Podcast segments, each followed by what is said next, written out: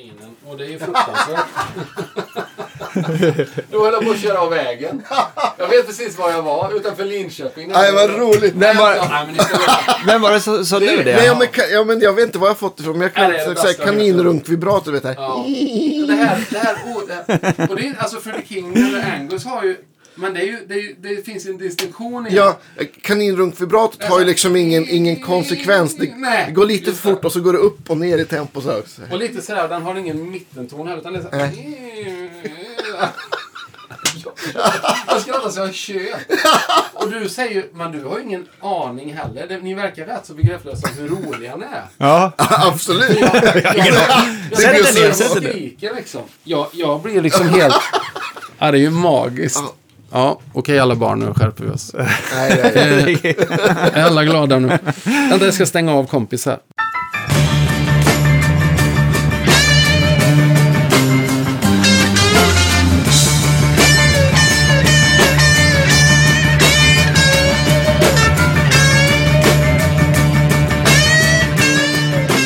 Nej, sen kan jag säga så här att är det inte ett spännande år i Oscars för en gångs skull? Jag är ingen filmkille, men vilka musikfilmer det är i år. Eh, I Oscarsvärlden. Ja, Alltså jag har inte snappat upp någonting förutom Star is Queen-grejen. Born eh, eh, bara älskar jag. Och, alltså fantastiskt. Jag, jag flodlipa efter tio minuter. Jag har inte sett det, men, men Nej, låten ja. med Lady Gaga har man inte missat. Nej, det är så bra. Och där är slide-gitarr med också. Nej, det är så Åh, bra. Så Ja. att, grejen är att han spelar gitarr, eller vem det nu är, lite sådär halvdåligt på ett skönt sätt. Det blir så trovärdigt. Men Lady Gaga säger jag bara, och han där i den filmen, det är helt fantastiskt. Jag bara älskar det. jag, jag, Efter tio minuter så lippar jag så att... Men jag, jag, Okej. jag lärde mig lippa först när jag var 40 år, så att jag har lite att ta igen. Åh, nu är det dags för mig. Ja, ja, nu tar vi igen det. Men, du, du tar eh, varje tillfälle då? Ja, ja, nej men alltså det. Och sen då, jag och min älskade lilla tös då eh, var på Bohemian Rhapsody då. Ja. Vi såg ju Queen där förra hösten. Eh, eller ja, de två, Roger och... Men eh, det är också fantastiskt att de ville lyfta fram Freddie och hans genialitet. Och att det inte bara blev bögklubbar och Hänt i veckan liksom. Ja, Utan att folk fattar att vänta lite här, den här killen hade lite. Det fanns lite... Ja, han är väl, tycker jag, kanske liksom... eh, Kanske den bästa rocksångaren. Nej, ja, ja, för Om man, är- liksom, för- om man ja. nu vill se så här arena-rockband så är det ju Queen. Ja, det är han, stora han, favoriter. han, han kan ju fylla ett tomt rum. Och han, han, han, som med Rio där, han kunde ju gå ut och ta alla bara da, sådär. Och det, Vilken det, låtskrivare också. Det är. Ja, det är helt galet. Och just det, och den här envetenheten då att ja, men jag, jag vill ha alla de här stammarna på Human Rhapsody. Ja, men det går inte. Jo. Alltså, alltså det är det, tänk utanför boxen. Ja, men vi har några som har levt utanför boxen. Mm. Som har sträckt sig utanför boxen liksom. Det är ju Varje fantastiskt. gång jag hör den där brukar jag också tänka, jag som jobbar med musikproduktion också. Ja. Jag tänka, det här var fan innan autotunen också. Hallå eller? här, de, Va? Fanns det inte? att- Nej. Va? Ja, vilken iPhone hade de då? Nej, men det är ju helt, det är ju magiskt. Men alltså nu är ju, och så är det någon musikfilm till, så jag blir jag lite blank i huvudet här. Det är mitt normaltillstånd, så att det är inget konstigt. Men, eh, nej men det är någon film till. Och det, det är ju, så rent på musikfronten i Oscars är det ju, annars är jag helt ointresserad av det. Men det, det ska bli lite spännande. Man blir glad av musik. Ja. Så. Ja, nu, förlåt att jag Men, men, pratar nej, bort men oss. det, vi gillar ju lite så här i- introsnack. Mm. Så nu kickar vi in oss här. Så Ja. vi, ja, välkomna till Guitar Geeks podcast, mina damer och herrar. Det är som vanligt jag, Daniel och eh, ja, och den fantastiska Andreas Mustaschen Rydman. ja. Det här är. Tack, vilken, vilken fin, eh, fin presentation jag fick. Ja, men det var det värd efter 120 avsnitt. Är det 120? Ja, Ja, det är det. Ja. Det är fantastiskt. Alltså, det, idag eh, tycker jag är extra, eh, ehm, ska man säga, liksom glä, så här, eh, entusiastisk över dagens eh, podcast. För att eh, jag känner att ehm, jag känner att vi har ju haft väldigt mycket musiker som har pratat om sina karriärer och nu får vi en helt annan vinkling på det för att nu har jag liksom eh, kanske min favoritkund i soffan istället. och som är en fantastisk föreläsare och har talets gåva och eh, en, eh, en bra gitarrist som, som, eh, som jag tror att vi, jag har en bild i huvudet hur vi ska liksom kunna få eh, dra paralleller mellan alla eh, möjliga världar här i alla fall. Så välkommen hit Hasse Karlsson. Tackar ödmjukast. nej, men liksom, jag blev så glad förra veckan när, när Sonnemo var kvar i butiken och, och ja, vi, vi pratade om allt mellan himmel och jord, det vill säga gitarrer. Ja. Ja, och så, så kom du in och så blev det Bamse-kramen. Det här tänkte jag, det här, det här är ju en likable person. Ja. Ja, och det, efter, efter tio minuter så kände jag att den här är ju, ja. Det kan vara ditt livs sämsta beslut, men ja, Nej, jag- se hur det överartar sig. jag gillar. Nu har vi släppt sargen. Ja, men det är bra. men välkommen Nej, det är hit. en stor ära. Ja. Tack snälla. Jättekul. Fantastiskt. Och jag är bara ett stort uh, Geek-fan, så är det bara. Ja, men I jag love vet att du, har- du har väl hört, eh, du har väl hört de flesta Ja, avsnitten i ja, alla jag, fall. bara, jag älskar det. Jag har några on hold så, för, som jag sparar för sorgliga dagar. Det är bra. Eh, nej, det, det, nej, men jag älskar det. Och jag tycker det är har du ett fantastiskt. fa- Har du ett favori- favoritavsnitt hittills? Eh, jag var livrädd för den frågan, för jag har ju minne som en flugsvamp. Men eh, ja, det finns ju en del. del jag, jag tycker att, eh, nej men alltså jättemånga. Så att, åh, det är liksom att välja sina barn. Men, nej men eh, Micke Nord där, det, det var ju magi. Alltså, det, det tycker jag var jättebra. Sen är det en massa andra intressanta. Just det här att jag gillar, jag gillar det här att, att ena stunden så handlar det verkligen om människan och ah, så var vi där och det gick så där och det var trögt men och sen fick jag, så ringde de och så var jag med på den plattan och, och sen fem minuter senare, vilka rör hade du där? Jo men nu har jag räknat ut att, eh, alltså tror du el-34 är bäst? Ja men så, ja men det, det är ju ljuvligt. Ja. Eller så, för, för det är väl så våra hjärnor funkar. Våra hjärnor kan tänka åt tusen håll samtidigt. Ja. Det är ju skithäftigt. Det är vitt exempel. Ja, men det hade blivit lite jobbigt om det bara var en grej. Hade vi bara pratat rör 120 avsnitt, då hade ni kanske inte haft så många lyssnare. Nej, och hade det bara varit eh, människodelen, så, utan den här fantastiska mixen och att alla får, ja men jag använder den boxen för att jag gillar den. Mm. Och alla dessa fantastiska gitarrister som säger, jag har ingen aning, hjälp mig, jag har tagit en bild. Ja. och ni bara, jaha, nej men du har den, ja men det är nog bra att ha den där. Det är helt ljuvligt. ja. Vi försöker vara snälla. Ja, absolut.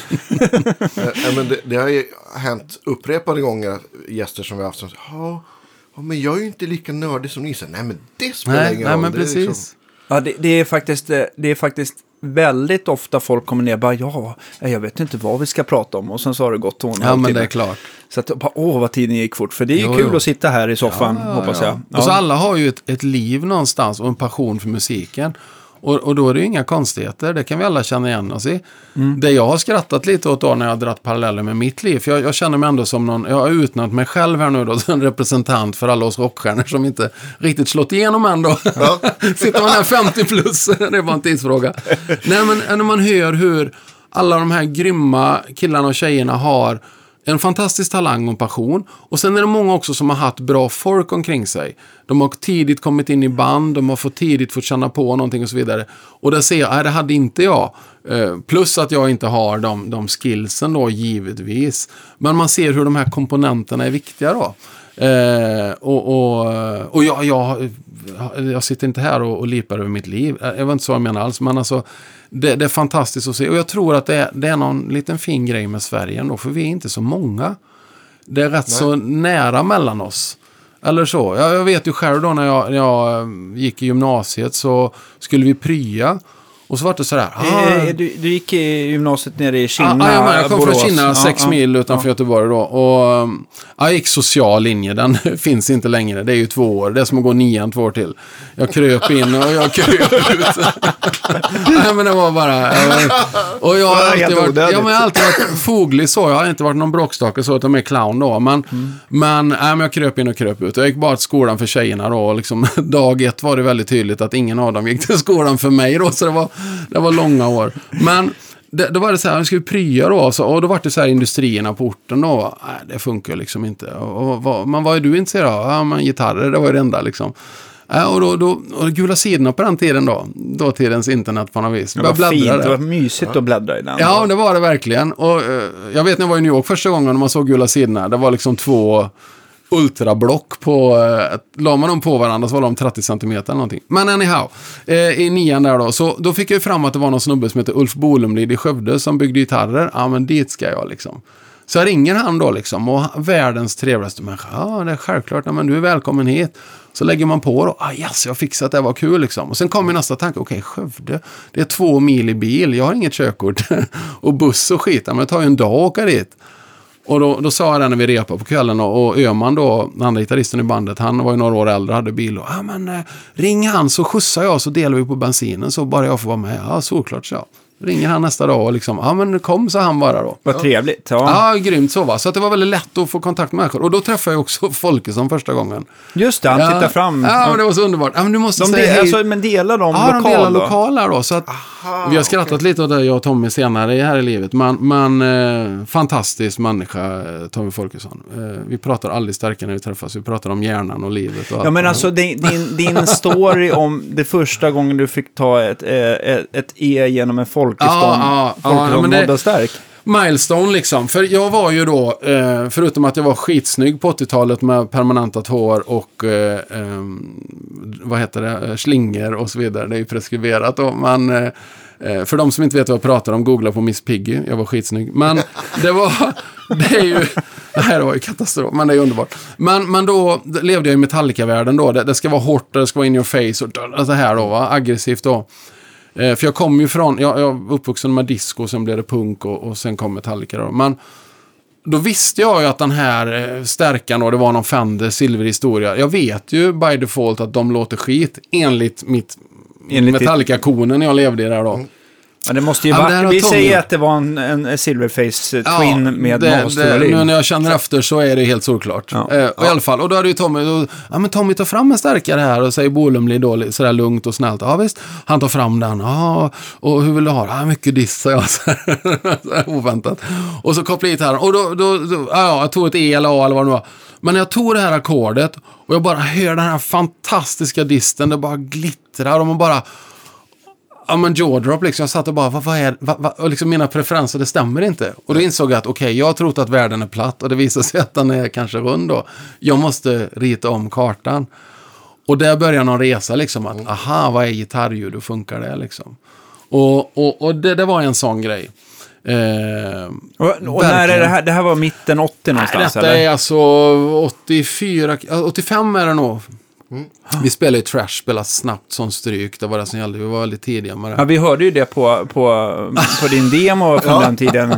Att det, att det Ja, var det ju kanske liksom... fastnar ja, men det var ju så här, puls, pulsen ligger runt 190 Ja, ja. liksom. Det var våran Ja, bil. det är Vi drog ner tempot i studion, sa vi.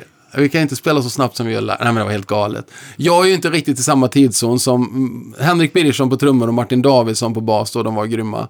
Men jag försökte hänga med dem. Men vi, vi tänkte ju inte att det ska... Det, det var ju bara så vi kände. Och vi lever på en liten ort. Och det fanns ju inte massa intryck utifrån. Alltså varenda chans att få reda på någonting, det var att lusläsa killamål-konvolutet eh, och, och kolla på Okej då. Men, men Okej, det var ju mycket annat också. Liksom. Ja, nu har Kiss släppt en skiva, det sket mig fullständigt i. Metallica stod det inte så mycket om då. Men, men eh, det var så vi spelade och jag vet ibland det kom ner musiker i studion så som var etablerade. Jag vet det var några killar i, som spelade med King Diamond och så där. De kom ner och hörde oss spela snabbt och de, bara, de tyckte det var helt fantastiskt. Och vi då, vadå, det är väl så här det ska vara. Helt begreppslösa så. Ja men det var kul. Och, och det, det var också härligt att få vara och få träffa, och det, det, det har jag haft med mig i livet, här att vi står i en replokal, vi brinner för samma sak. Och vi spelar i 500 knyck, lika många decibel, men ändå kommunicerar vi. Vi måste ändå veta, hur fort den går så måste vi veta vad vi har varandra så. Eh, och, och jag tror att vi musiker, jag tror vi är otroligt blinda för eh, att vi har så mycket kommunikativa skills som vi bara själv, som är självklart liksom. Eh, för er då som är proffs så, så är det självklart så att det, det sitter i en ryggmärg. Men för mig lite utifrån så, jag har ju hört några band, jag har hört lite musiker. Så, så man, man har inte det på samma sätt. Eh, folk, jag använder jättemycket föreläsningar, ja, musik liksom. Vi måste spela i samma takt. Vi måste ha samma uppdrag. Ja, men jag vill spela, vi ska spela soul här. Ja, men jag älskar chicken picking. Mm, Okej, om vi ska hitta på någon ny genre, det är spännande, men eh, nej. Nej, men man har ju sin roll liksom Ja, i, men i precis. bandet. och där kommer vi till rollen då, också som jag säger då, tonarten då. Vi måste ha våra roller då. Jag, jag som gitarrist kan inte gå bort till trumpetarna och säga att ni ska låta oss spela som mig. Utan de står där i versen och dansar och sen är refrängen så... Ta, ta, ta, ta, ta, ta, ta, och så är de tysta. Så gör de lite moves igen. Mm. Och det lyfte låten hur mycket som Var helst. hittar du de trumpeterna någonstans? Nej, men det är Kina, vet du. Världsklass. Det är där det händer. Eh, nej, men det är häftigt. Jag måste bara, får jag berätta Ja, en liten ja, anekdot? självklart. Ja, eller eller. Det var så här, jag utbildade mig till ljudtekniker och jag skulle åka över till Git där på Ja, men det här, 80-talet. är, det här är asbra. Nej, men det, det är också alla goda människor jag har omkring mig. Det, det, grejen är så här att, att eh, jag skulle över till Git då, givetvis. Ehm, och, och, men så var det en kompis som hade varit där och han sa att ah, det haltar lite nu tyckte han. För han hade varit där då, va, Robert Petersson i Borås, världens snällaste människa, svinbra gitarrist. Så han jobbar på musiklaget där och toppenkille så. Men, så sa han, ah, han hade varit i någon klass då, och då, just då hade skolan kanske exploderat lite. Jag vet inte, jag har inte hela historien där. Men, så han satt där då med, ni vet ju vilka lärare det var, alltså de här ikonerna liksom. Och samtidigt så sa han, så, så var det två bröder från Texas och de då fick den här superläraren sitta där och lära dem Johnny B. Good bara för deras farsa var oljemiljardär och hade pyntat skolan liksom. Och då satt han där med, med lite, ja, lånat pengar och liksom från Sverige. Nu ska jag lära mig, varenda minut här räknas liksom. Jag sa, vänta lite, sa han. Mhm, tänkte jag där då. Mm, eh, så vidare. Men så fick jag reda på att det fanns i Fjugesta då, en, en ljudteknikerutbildning då, jag kommer inte ihåg vad den hette. Uh, och jag vände ju upp och ner på världen för att komma dit. Och jag hade otroligt svår astma då. Så jag skulle få någon slags handikappanställning någonstans, hette det på den tiden då. Hemska ord. Men, men jag skulle vara på något kansli och vända på stansa räkningar. Eller, jag har ingen aning. Och jag bara, nej det är inte mitt liv. Så jag vet, jag åkte skateboard uppe på, på Arbetsförmedlingen fram och tillbaka för att skynda på. Han får ta ett beslut här nu liksom. Så de pyntade den här utbildningen då. Och så gick jag där ett år och han, den här snubben då, han hette Sjunne Färg. Han hade tydligen blåst hela Sverige. Han var svartlistad överallt och sådär. Gick tydligen bort för några år sedan. Men jag, jag har ingen aning. Men han hade blåst lärarna med och så att vi hade jättebra lärare. Fantastisk utbildning. Ute, ute i Fjugesta söder om, om eh, Örebro. Fanns ingenting.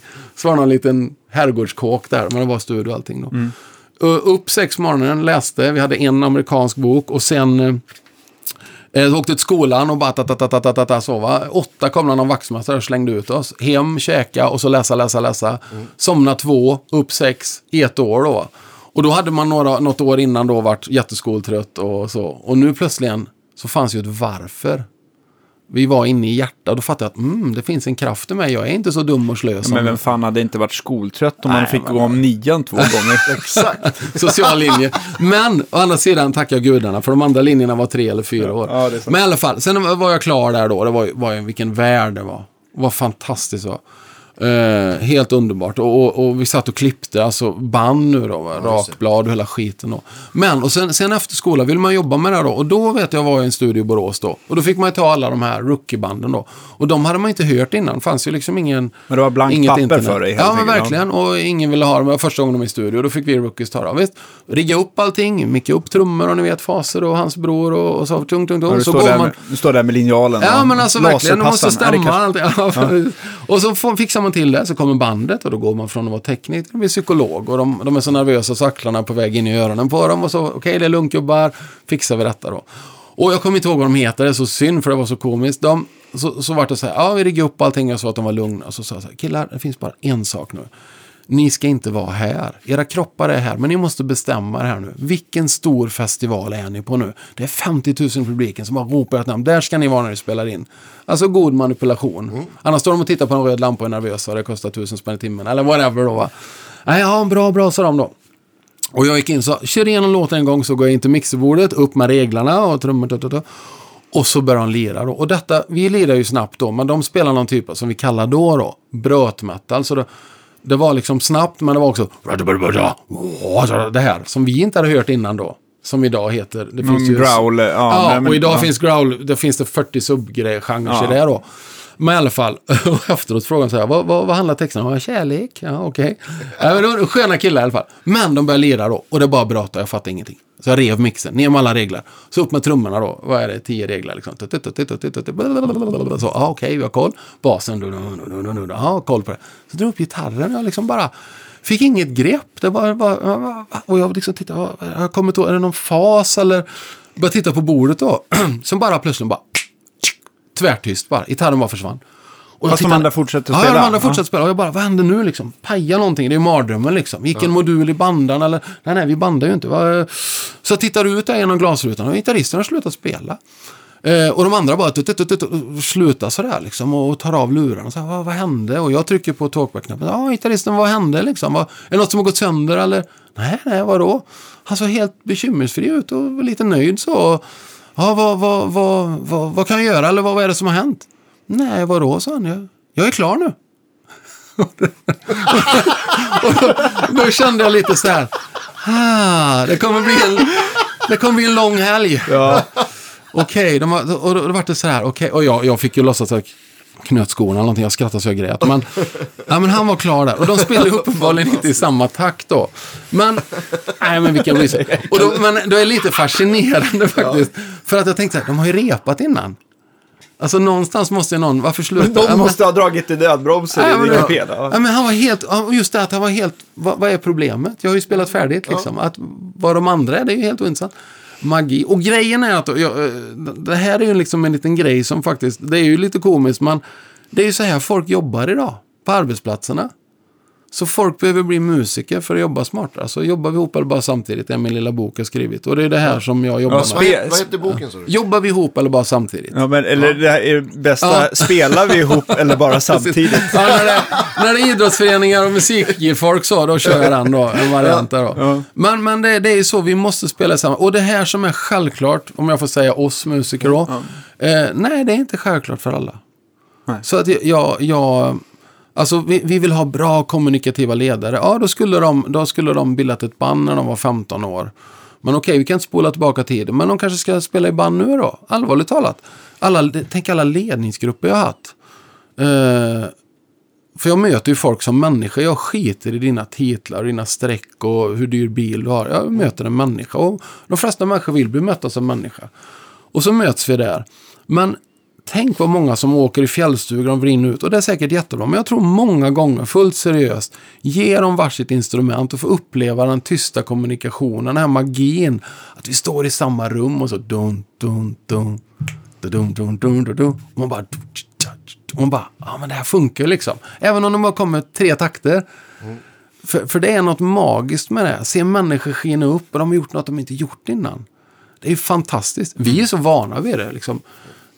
Ä- Även om jag inte har eran kaliber så, så skulle vi kunna ta varsin gura här eller någon tar en bas. Eller, så, ja, vi kör en blues eller någonting. Och så har vi, ja, vi kör en 12. Ja, C. Ja, så är vi hemma allihopa. Absolut. Ja, och så. Vi, vi fattar. Vi kan språket. Men för de som inte kan det och får uppleva det. Det är så häftigt alltså. Så, så ja, jag, jag säger det, det, det är... eh, För människan är en musisk varelse liksom. Vi, vi, vi är en del... Vi, är så korkade i det här landet att "Ja, jag har inte musiken i blodet. Men, kommer det G-klavar när du tar blodprov på vårdcentralen? Alltså det är bara dumt liksom. Lägg ner. Vi är musiska, alla barn i åldrar. Alla barn ropar på sina föräldrar i en fallande kvart. Ja, just det. Eller hur? Sant. Ja, jag vet, ambulansen låter ju lika likadant, jag vet inte varför. Men, alltså, det, jag har ingen teori om det. Men vi, vi är musiska. Men sen har vi lärt oss då att man ska sitta still och trycka på tangenter och i tre år så vi blir som Mozart. Nu älskar jag Mozart, det är inte det. Men det är ju rörelse, vi ska ju röra oss. Men här så, så vi lever i en kultur där vi inte rör oss. Hade vi suttit nere i Sydafrika nu så hade vi träffats innan. Hade jag träffat Sonnemo där så hade vi säkert dansat lite också. Och ja, Sonnemo liksom. Babumba, babumba. Så här. Och så hade vi garvat och, och kramats och så vidare. Och här hemma så är vi lite, vi är lika svängiga som en tysk linjal liksom. Vi står där och flyttar fötterna till höger och vänster och sjunger We are the world. Ja. Ja, ni vet. Och jag, jag, jag tror att, att eh, nej, vi behöver bryta det. Och jag är, är ingen dansare alltså. Gud förbjude. Men jag tror vi hade mått bra av det. Röra på sig. Ja.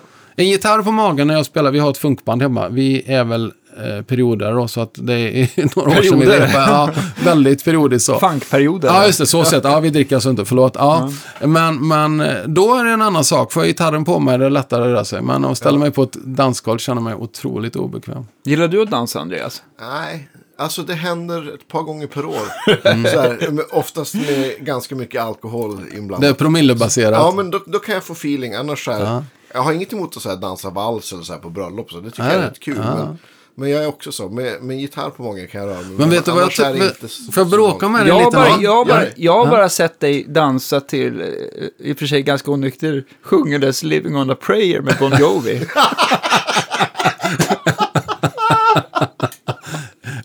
Eh, finns det på film? Nej, okej, det är preskriberat.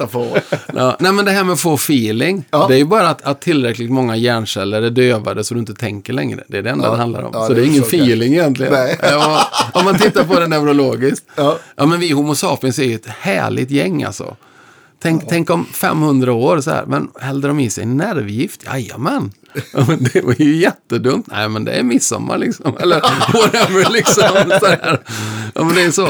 Och jag pratar inte rätt och fel nu. Jag säger Nej, bara att vi, vi gör saker som vi kanske inte gör sen då va.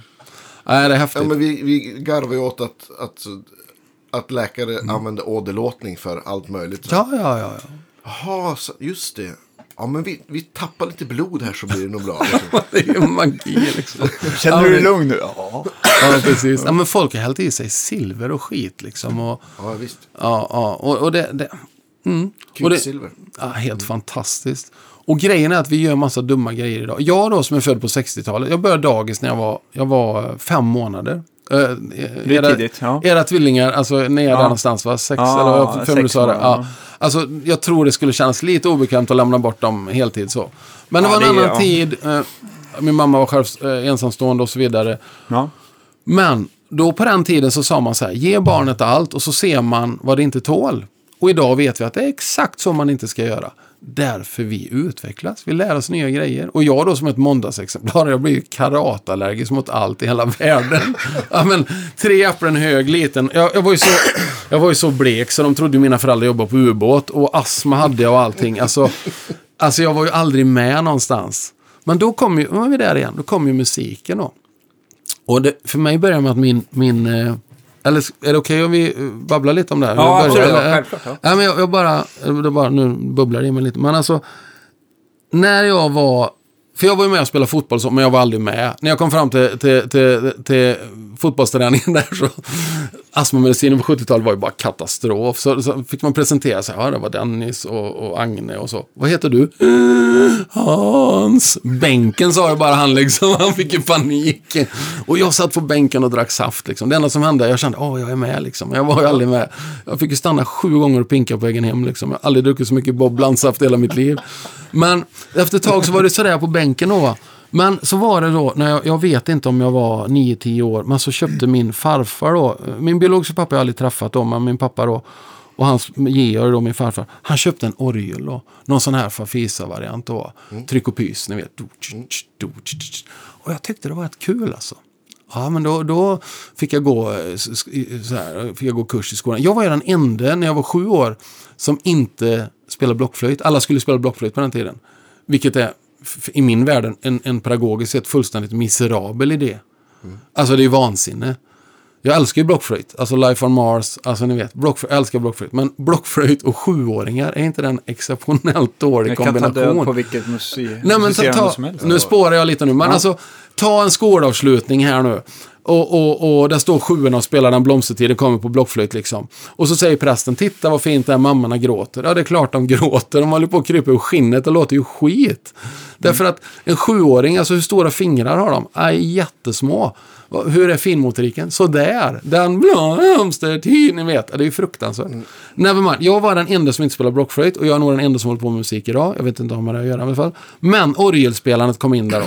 Men det var det på den tiden. Då fick man en notbok och så var det vårvisa. Du, du, du, du, du, du, upp och ner. Och jag fattade ingenting. Jag bara såg flugskiten. Att, jag, jag kopplade liksom inte. Men det var kul och jag ville spela. Och jag hade en polsk lärare och han var fantastisk. De var otroligt drivna från östsidan. Kom hit och de var ju, vi var ju helt kass. Vi, där var du ju tvungen att kämpa för att komma någonstans. De kom ju från en miserabel värld. Alltså, kommunismen funkar ju väldigt, väldigt dåligt. Det, det har väl vi papper på vid det här laget. Och, men de var ju väldigt drivna då. Och jag vet att, jag, jag, han heter Adam, vi har skrattat åt detta sen. Eh, han är ju pensionär så länge. Jag lurade han i ett år att jag kunde noter. Ja, bra magistern sök. Spelar en gång till så följer jag med i noterna, så jag. Jag fattar ingenting. Ja, visst sa han och spela och så tog jag det på örat då va. Så, va. och efter ett år kom han på mig. Jag har aldrig hört så många polska svordomar i hela mitt liv. Rummet blev mörkt. En vecka senare så hade jag inte honom längre. Var det så? nej, Okej. nej, det var. Och då fick jag Ragnhild. Ragnhild Bengtsson, min älskade orgelfröken. Ljuvlig människa och vi träffas ofta i Kina och så vidare. Eh, stora kramen får jag alltid av henne och jag ger gärna, det är underbart. Men hon förändrar mitt liv genom en enda mening. Och det var någon gång här jag spelade orgel då och hon sa visste du inte i noterna och så spelade vi och det var jättekul. Men någonstans, jag tror det var YMCA i detta, jag hade fått för mig att jag vill spela bas liksom. Jag tyckte, alltså det, du, du, du, du, alltså det var något jag gillade med det liksom. Och då kommer den här lilla killen då, då, då, var jag väl 11-12 år. Fortfarande treapplen hög och ubåtsblek och hela skiten då. Och, och säger då, ja, fröken, ja, jag tror jag vill spela bas. Nej men vad kul, sa hon. Men så säger hon en mening och det bara, hela livet bara förändras. Så säger hon, men om du, om du spelar gitarr får du spela solo. Och den här lilla ubåtsbleka killen då, som har suttit på bänken och druckit bland, Bobs blandsaft, så höll på att, bli, höll på att dö liksom. Mm. Jag bara ser att jag står på en scen. Det, och jag vet inte varför, det var gröna spotlights. Jag hör bröderna bara yeah! Och jag bara, jag gillar den bilden liksom. Den har inte riktigt hänt än, men det, det, kommer. det kommer. Men jag började spela gitarr. Och då tjatade jag hål i huvudet med föräldrar. Då fick jag en Duke. En Eske då. Mm. Fruktansvärt instrument. Fullständigt vidrigt. Men och jag det, är väl, spelar... det, är väl, det är väl, Duke, Eskeas och, och blockflöjt som har fått flest att sluta spela. ja, och, så, och vi med diagnos, vi fortsatte då trots ja. Duke. Men jag vet att jag stämde alla strängar. Jag fick den i julklapp. den kostade 368 kronor, den var transportskadad. Eh, jag stämde alla strängar likadant. Så halsen var ju som, som någon slags, eh, ni vet sån här skidbacke. alltså man bara väntar på att Boklöv kom åkande liksom på halsen så. Eh, nej men det var helt otroligt. Jag hade stämt alla strängar likadant. Så spelade jag What Shall We Do With The Drunken Sailor med ett finger då och det blödde. Och jag vet hon Ragnhild vågade knappt röra gitarren. Den var ju, den var ju så, alltså den var, höll på att gå i tusen bitar så. Men där någonstans började det. Och jag kunde aldrig släppa det. Eller så. Och jag hade ju lyssnat på Queen sen innan då. Och We Will Rock You och detta. Och, och jag vet eh, kompgitarren där, den rena gitarren på Another One Bites the Dust. Jag tyckte bara det var helt fantastiskt. Mm. Jag kan fortfarande få, när jag hör den låten, bara världens kick. Det är bara så svängigt, det är bara underbart. Och så enkelt egentligen, men magi liksom. Men jag har funderat mycket på det. Vad är det som gör att man fortsätter? Och, och, det är ju så att någonting vill vi nog uttrycka tror jag. I min värld är det världens bästa knark liksom. Mm. Och, eller så. Ja, jag vet inte. Ni, ni har ju jobbat med detta på en professionell nivå, men jag vågar ju gissa, så hade, hade ni inte haft några karriärer, som vi kallar det på det sättet, mm. så tror jag ni hade plinkat på gitarren ändå, eller vad, vad känner ni själva? Ja, absolut. Mm. Det, det, det, för mig var det så, jag kunde ju komma hem och jag hade ju väldigt mycket ilska inom mig. Sådär, så, och, och, var, och jag är uppvuxen i ett dysfunktionellt hem då, jättesnälla människor, men vi funkar ju inte. Och min mamma är psykiskt sjuk sådär, jättesnäll, men ni vet, mental ohälsa, det är, jag tycker det är jättebra att prata om det idag. Det gör inte någon människa sämre eller mm. så. Men det funkar inte. Så för mig, tio minuter med guran, så, så var jag ju i balans. Istället för att knarka då liksom. Mm. Det, det, är jättebra. För vi har ju ett litet apoteket Röda Näsan inne i huvudet. Eller så, vi har ett litet bolaget där inne. Fast det är ju bra knark. Ja, just det. Just Eller så. Och det, jag föreläser om det idag, hur det funkar och sådär. Fattar man lite hur det funkar då kan vi hantera vår kreativitet lite bättre och sådär med då. För det är som också en grej som vi många gör lite så by default musiker som faktiskt vi borde läsa på lite om hur hjärnan funkar och när vi kanske har en större kontakt med de kreativa delarna i hjärnan och så vidare. Mm. Som vi aldrig tänker på då, jag vet inte. Jag, jag har hört jättemånga gäster säga så ah, när jag gick och la mig så jag fick en idé eller precis när jag vaknar och sådär. Och det är bara för hjärnan jobbar i ett läge som heter teta-läget då. Okej, och då, nu spårar jag igen. Förlåt. Nej, men det är, jag Nej, men det är, okej okay, styra detta. Jag känner bara att jag babblar och ballar ur. Hjärnan är alltid intressant. Ja. Även, om, ja. även om vi svävar ut på okänd mark. För, ja, ja. som ja, jag kan. Men, alla lyssnare nu som väntar på sträng, strängtjocklek är helt urförbannade. Ni får vänta stund. Det kommer, det kommer. De men, fick väl sin dos förra veckan. Ja, jag ska lyssna på det sen när jag åker hem. Mm. Men, men, eh, nej, men det, det, funkar ju så här att vi, vi har en massa myter om hjärnan. att eh, Vi använder bara 10% och så. Det är självklart vi inte gör. Hjärnan den jobbar ju hur mycket som helst. Men vi vet fortfarande inte var en tanke börjar. Vi vet inte var minnet är lagrat. Utan den, den liksom pytsar ut det lite överallt.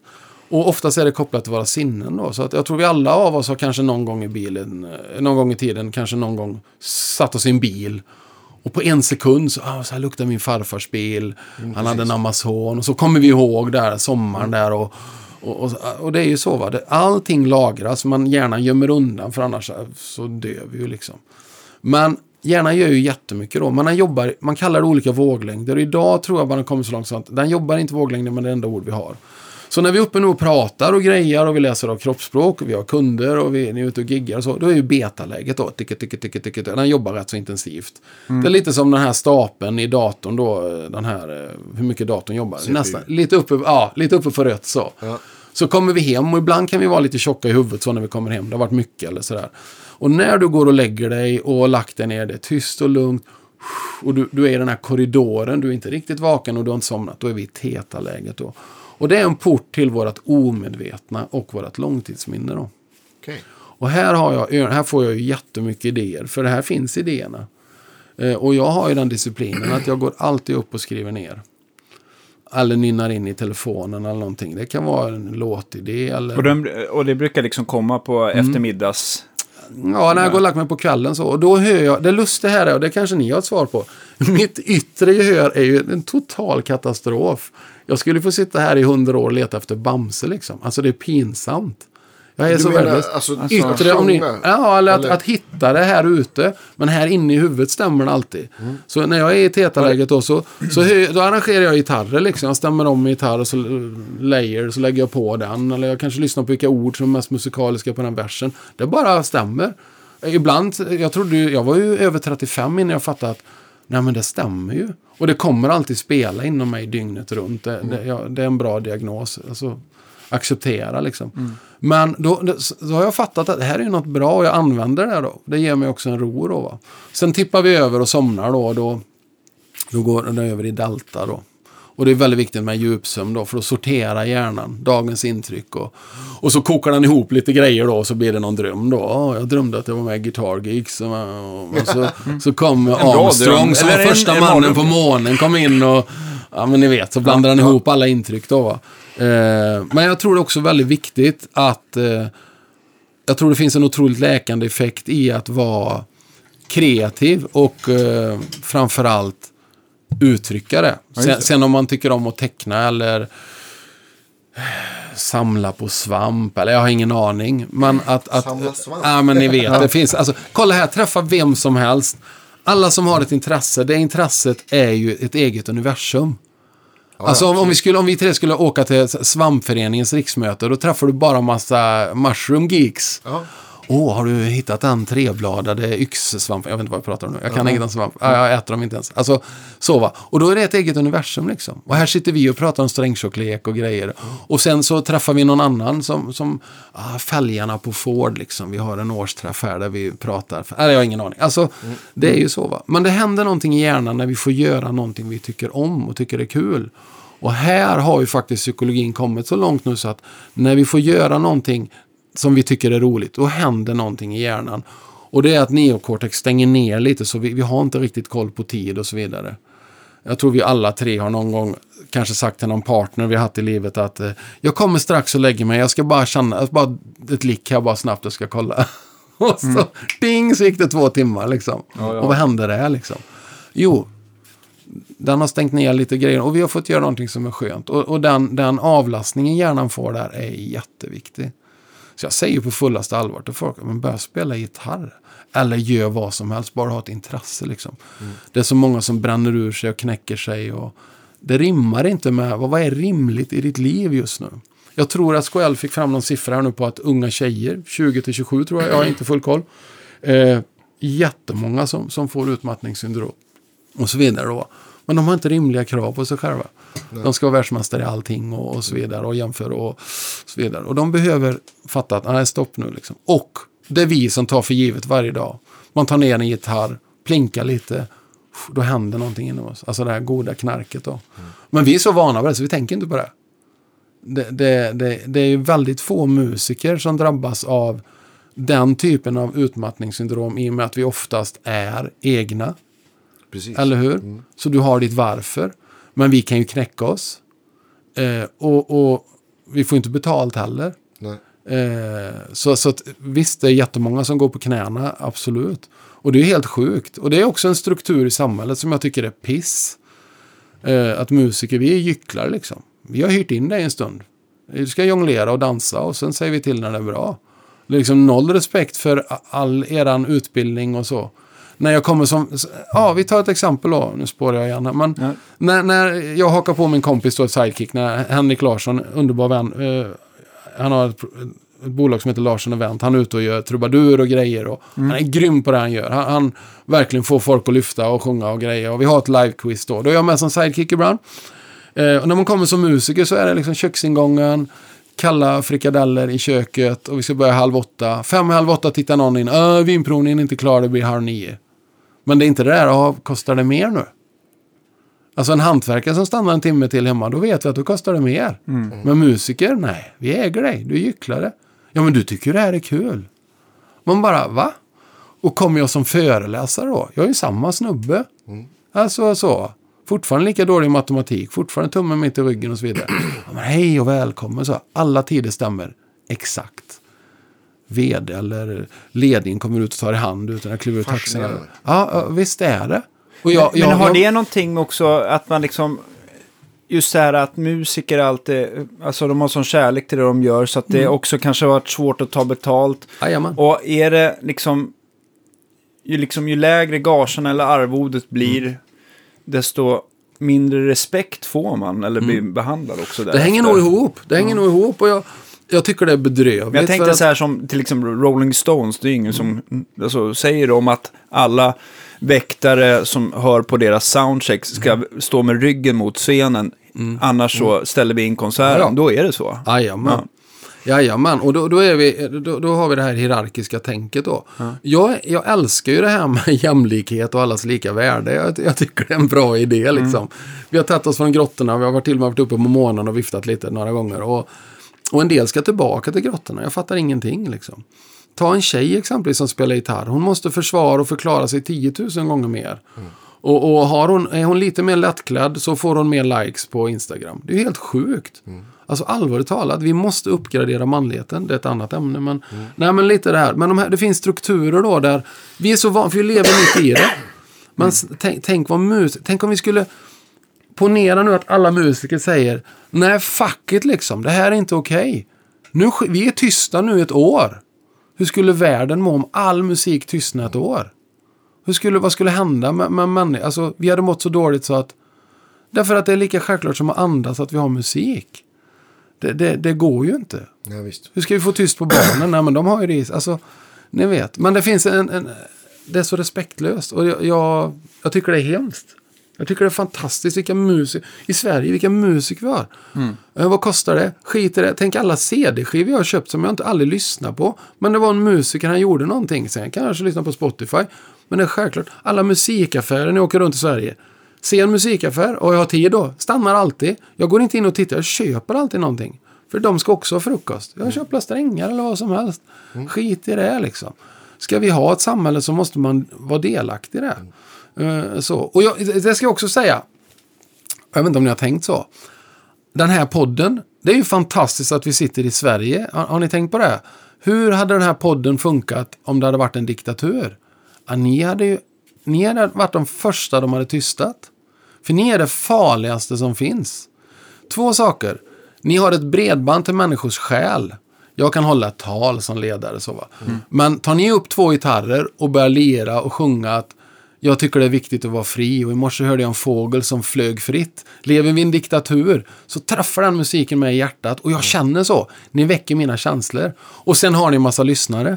Kanske inte efter det här programmet, men jag, jag kommer inte skärpa mig, jag lovar. Men, eh, nej men så. Därför hade Guitar Geeks hade stängt ner direkt om det varit en diktatur. För ni är det absolut farligaste som finns. För ni besitter en kraft som ingen kan köpa för pengar. Det är talangen och passionen för musik. Men i Sverige så, vi är så vana vid det liksom. Vi, vi har alltid varit musik. Det.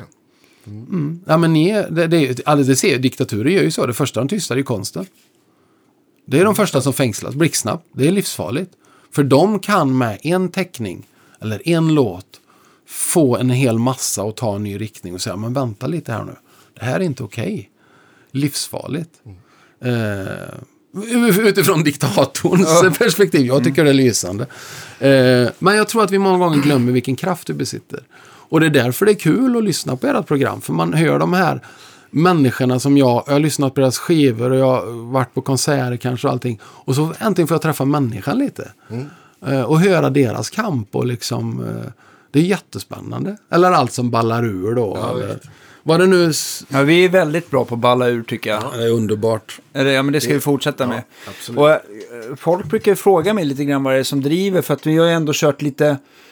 Jag har väl ändå kört eh, ideellt med podden, vi har inga sponsorer och sånt där på gott och Om ont. någon vill ge så massa pengar, varsågod. Varsågod, varsågod. Ja, jag ska Nej. sponsra. Men, men eh, eh, vi har tittat på lite olika eh, lösningar, men, men vi har väl inte varit så aktiva heller att skaff, eh, sk- skaffa sponsor. Jag hade en väldigt god vän, nämligen Daniel Lindgren, som var inne som, som, eh, som har ett vad säger man, en konsultbyrå och säljer technosfärg och grejer. Han har tyvärr en, en sån här elakartad MS som gör att han kommer i skov.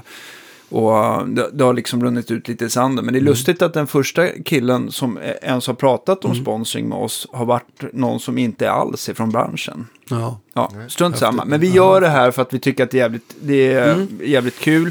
Vi känner att vi får ett mycket större kontaktnät och att, ja, jag, tycker bara här, den reklamen det ger för stället har ju varit guld värd. och sen är det så här att ingen äger det heller. Nej. Om, om ni säger att äh, de här strängarna tycker jag är schyssta. Då, då, då vet jag att det, det betyder inte att det ligger 200 set där ute och du har fått billigt så du ska promota dem. Utan Nej, jag- du, någonstans tycker Man så. har en vanlig marginal kan jag Ja. säga. Men, men, eh, men åt andra sidan, man, man, jag tror att det skapar trovärdighet att vi i alla fall säger vad vi tycker. Ja, sådär. absolut. Men sen så är det givetvis självklart så. Ehm, vi, har väl verkligen, man kan ju tro att vi är köpta av både Diadario och, Olsson Amps och lite andra, Björn Juhl och sådär. Men vi tycker vi vilka Nej, men alltså, jag Men- tror det när det är passionsdrivet. Däremot så ser man ju nu i branschen hur det växer fram nya betalmodeller och nya tänk. Mm. Och det är alltid så det händer nya grejer. Som jag då, föreläsning. Jag kommer börja sälja föreläsningar på abonnemang nu. Att det finns också. För många säger, ja vi behöver dig här nu, men vi vet inte hur ekonomin ser ut innan i september. Men vi behöver dig i mars. Ja, men vi kör ett abonnemang då. Vi smetar ut den här kostnaden över året. Och så betalar x antal tusen i månaden så löser vi det. Så ingår det och det och det. det. Ja, det är perfekt. Alltså, se till så det blir bra. Och jag, jag tänker lite på min idol där då. Min superguru på YouTube då, Rick Beato liksom. Eh, ja, nu har inte jag storyn här, men det, det kan ju säkert folk fylla på i kommentarsfälten. Alltså, Patreon-grejen var väl han inte så mycket för. Det var någonting där som inte rimmade med honom. Så han körde sin, eh, vad heter det här, eh, jag är med där i alla fall.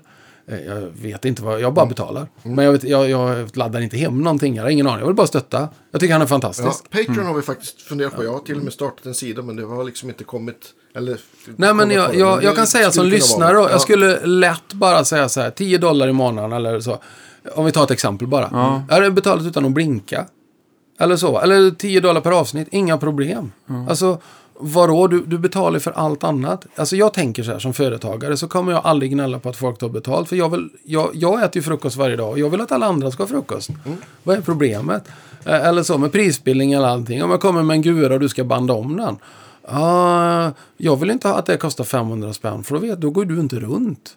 Dina barn ska ha mat. Det måste ju, alltså, allting måste vara rimligt. Va? jag, känner, jag känner någonstans också just det här med att bedriva, eh, man har sett det så länge att man jobbar i musikaffär eh, och det finns ju givetvis i andra branscher också att folk förväntar sig stammispris och eh, givetvis få ja, men, liksom lite schysstare priser och sådär. Det är ju väldigt, men det är inte många andra branscher som, som har det så, liksom, om du, vare sig om du ska gå och klippa dig eller om du, eller om du ska gå till ja, revisorn eller ehm, Men vänta, om vi, vi, bara, Ja. vi, bara, bara för att visa hur fast vi är i en konstig struktur. Ja. Om jag är kund här och kommer till dig och så säger vi att vi ska, vi, vi ska ha ett kompispris. Varför betyder kompispriset att du ska tulla? Då kan det lika gärna kompispriset betyda att Okej, Danne, jag, Att du jag behöver... betalar lite mer ja, för att du vill är ha ett kompis. Så är det ju lite i staterna. Vet Det är, jag. ja, för det är ju ett kompispris. Och det är så jag försöker tänka liksom. Att okej, jag, jag köper två paket strängar. Vad kostar det? Ja, men säg 200. Okej, men 230 då. Det är ju ett kompispris. Ja. Men just det här att jag ska ha, jag ska ha. Vi, vi måste bryta det. För att en dag om du säger så här. Om, om du och din tjej hemma säger så här. Nej, fuck it liksom. Det här räcker nu. Skit i detta. Och här står jag och knackar på och det är kris. Jag behöver prylar. Ja, varför stängde han? Nej, för jag hade massa kompispris som bara var åt mitt håll. Give and take liksom. För att jag menar, ingen... Alltså det är ju väldigt få i musikbranschen i Sverige som, som, som kan åka till Maldiverna eh, titt som tätt. Bara för att man har alldeles för mycket pengar på kontot. Ja, precis. Ja, Eller så va. Alltså alla har ju paycheck to paycheck liksom. Eh, Jag lever inget fett liv. Jag ha- har ett fantastiskt liv. Jag har precis som jag vill ha det. Jag måste kämpa stenhårt. Jag har ingen uppsökande försäljning och, och jag har bara eh, mina kunder som pratar om min hemsida. Eh, men okej, jag, jag har det bra. Jag har frukost, jag, jag har pengar på hög. Liksom. Nej, det, det, det är inte min affärsidé. Sen tjänar jag gärna bra med pengar. Jag behöver lägga om taket på huset och jag vill att mina barn ärver något och så vidare. Det är klart. Men det, men det där är ju så lustigt. Jag träffar ju musiker liksom varje vecka som, som kommer hit och, och ja, vi ska åka på turné så här. Så blir man ju ändå så här, man frågar ju lite grann för att man kanske hjälper dem med någonting i, medan de är här. Och sen så, så, så är det väldigt ofta, framförallt bland hårdrockare, att det är mycket så här, eh, det är inte pay to play, men de åker för att spela eh, på kanske så här minifestivaler, det är fyra band kanske. Det. Och det enda de får, även om det är fullt, alltså på, de får inte någonting av inträde eller, Okej. eller frå, från, från stället alls. Utan det enda de lever på, det är merchförsäljningen. Ja, just det. Så det är, bara, det är den enda chansen du får. Och, och, och, och någonstans så, så, här, så är det ändå så här totalt accepterat för att det är så, fun- att det, är så det funkar. Liksom. Må- Många, alltså, många större band tar ju med, jag tror att de kallar det att, det heter att man åker som så här pay-on eller något Ja, just det, precis. Att, ja. att, du, att du, du betalar för att vara förband till. Just det. Jajamän. så att det kostar så här, ja men det kostar, vi får åka med, vi får åka med i bussen typ. Mm. Och, Men då kostar det 80 000 för de här fyra veckorna. Nej, det vet jag. Hörde jag på 80-talet. Det var någon band som åkte med något. Jag låter det vara osagt vilket nu, för jag är inte säker. Men de skuldsatte sig rätt många år. För att det blev inte riktigt så mycket pengar tillbaka som de hade tänkt då. Nej. Men de betalade ju en fet slant där. Och då kände man, det där var en dålig affärsmodell eller en i, Ja. så va. Men nu är vi där igen. Den här drömmen om. Och jag kan säga så här, jag, jag, jag, såg ett, jag såg ett klipp igår. Jag är en sån otrolig torsk på alla sådana här. Jag gillar inte det här med eh, talangjakter och skit. Men jag gillar det här som händer med människor när de får ta ett steg och uttrycka något de har inom sig. Det var en eh, lite... Eh, men hon, hon såg rätt så stor ut den här tjejen. Eh, hon var jätteblyg. Man bara såg att hon ville försvinna. Hon var helt klädd i svart och stort krulligt hår. Och, och vad heter du? Hon var från landsbygden i England någonstans. Och, och sådär. Och så börjar hon sjunga då någon Ave Maria-historia. Och hon gör det bra liksom. Och då kommer det här, alltså. Men det är lite det här spektakulära i sig. Hög ton och ställer sig upp och applåderar. Eller du gör något snabbt. Så. Men i alla fall, hon, hon hade ju någonting där. Och, och skitsamma hur riggat allting är eller vad det är. Men det som händer i henne är fantastiskt. Och där sitter jag 50 plus på ett hotellrum i Stockholm och grinar. För jag tycker det, det är så vackert att se att när hon sjunger och hon får den här responsen, vad som händer med hennes ansikte. Hon, liksom, hon var ju helt inkrupen i sig själv och ville bara försvinna. Och, och så skiner hon upp liksom. Och sjöng ännu mer. Alltså, och man ser hur micken bara skakar för att det bara rusar i hennes kropp. Det är ju fantastiskt. Sen då att vi har uppfunnit massa branscher då som har förpackat detta på olika sätt. Det, det är, it's a pity. Så va. Det är ett annat kapitel kanske. Men vi, vi, vi är ju väldigt jurydrivna idag. Känner jag. Allting. Tror du att det kommer bli värre och värre också? Jag tror all, alla vägar har två diken. Du kommer slå i det diket och sen så, så går det. Men, men alltså någonstans så, så måste du hitta en kommersiell form för någonting innan det blir... Så är det ju med allting. I alla fall tv. Jag menar TV, jag brukar säga TV4, liksom, det är bara nyheterna kvar nu där ingen röstas ut. det spelar ingen... Nej men allvarligt. ja men tänk efter. Det spelar ingen roll om bönder ska hångla eller ensamma mammor ska gå på bio eller de ska dansa eller de ska baka eller laga mat. Någon, Någon ska, ska röstas, röstas ut. någon ska ut. Och då, då är vi lite sådär jury. Att, och då är det så här att, att juryn vet ju bäst. Vi ser en stjärna i dig. Va? va, va vem, vem? Och nu, det här brinner lite i mig då va. Att då, och jag tycker det är coolt att människor som säger att ja, men jag hör något annat i dig. Eh, Eller så va. Eh, Spelar du gitarr och säger ja men du Rydman. Du skulle ju faktiskt kunna platsa i det här bandet också. Har du tänkt på det här? Jag har tänkt på det. Det är ju utveckling. Bra. Men när de blir små påvar här som säger vad som är rätt och fel. Att de är det enda filtret som säger om du är en stjärna eller inte. Det köper jag inte. För jag, jag frågar ju människor på föreläsningar så här. Ja, jag, jag brukar skriva så här. Åh, fy vad jag spårar nu, förlåt. Nej, Nej, men det- jag- jag älskar det. Okej, ni, ni Ja. Jag älskar det, Ja, men- det här Nej, programmet ja, men- kommer bli fem minuter, klippa bort det då. Men, ja, men så här, om vi Vi tar klipper tre, aldrig. om vi tar, jag brukar ta tre frågor. Jag är ansvarig för. Och så tar jag Är jag ansvarig för hur jag tänker? Och då har jag pratat lite om hjärnan Mm. och hur den lurar oss. Och så är det. Amygdala är inte uppgraderad på 70 000 år. Och det är det som Trump rider på då. För vi, vi blir rädda och då blir vi dumma i huvudet. Och då tror vi att bara det blir en mur så blir allt jättebra. Eller hur? Att folk ska ha mat, att det blir sekundärt visar ju... Det har ju slått slint i huvudet. Big time. Men, ja, jag är ansvarig för hur jag tänker. Det är ingen annan som är det. Ja, Jag menar, om du kommer här och säger, men Hasse, hur tänkte du där? Ja, ah, ah, det är Danne som håller det. Du får gå ner till honom. Han har öppet 12 till 4. jag har inget med det att göra. Det stämmer ju inte. Det funkar ju inte. Så, nästa fråga. Är jag ansvarig för det jag gör? Ja, det är jag. Och går jag ut här nu utanför och jag ser, eh, jag då som är hetero, ser en kvinna och jag nyper henne i rumpan och säger, mm, baby. Då får jag förhoppningsvis fyra örfilar och en fet polisanmälan. För det har jag gjort det vid. Det är svårt att säga, det var inte jag, det var min vänsterhand. Nej, jag är ansvarig för det jag gör. Men knäckfrågan nu, och här tror jag många går vilse, min upplevelse i alla fall. Är jag ansvarig för den jag är? Och då är frågan, vem är du, Andreas Rydman? Är du gitarrist? För mig låter det lite förminskande, även om du är en gudabenådad gitarrist. Och innerst inne är jag jättebitter och avundsjuk, men jag försöker le nu. Nej, men, så, nej, men det, det är, I love it, så det är från hjärtat. Men du är inte bara gitarrist. Nej, verkligen inte. Eller så, det vore ju tragiskt. Ja, oh ja. Eller hur?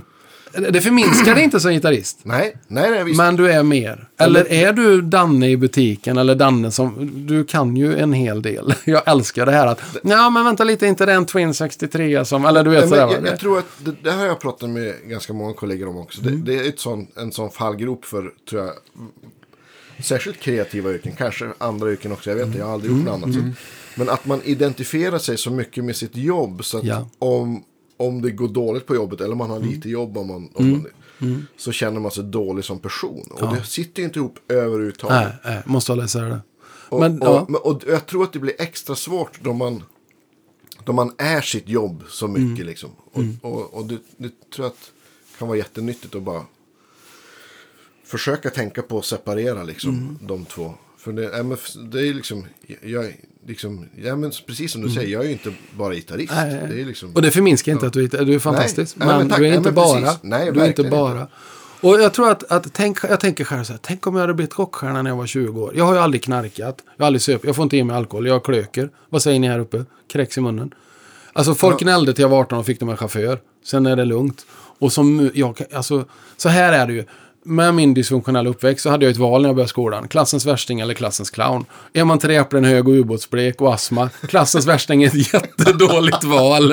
Ubåtsblek, det är för övrigt dagens ord. Det kommer bara Ja, använda. Då fattar du hur blek man är. Alltså, när det blir clown då. Så clownen, jag har alltid klarat mig. Jag kan underhålla ett rum. Jag behövde inte vara på fyllan. Eh, så va.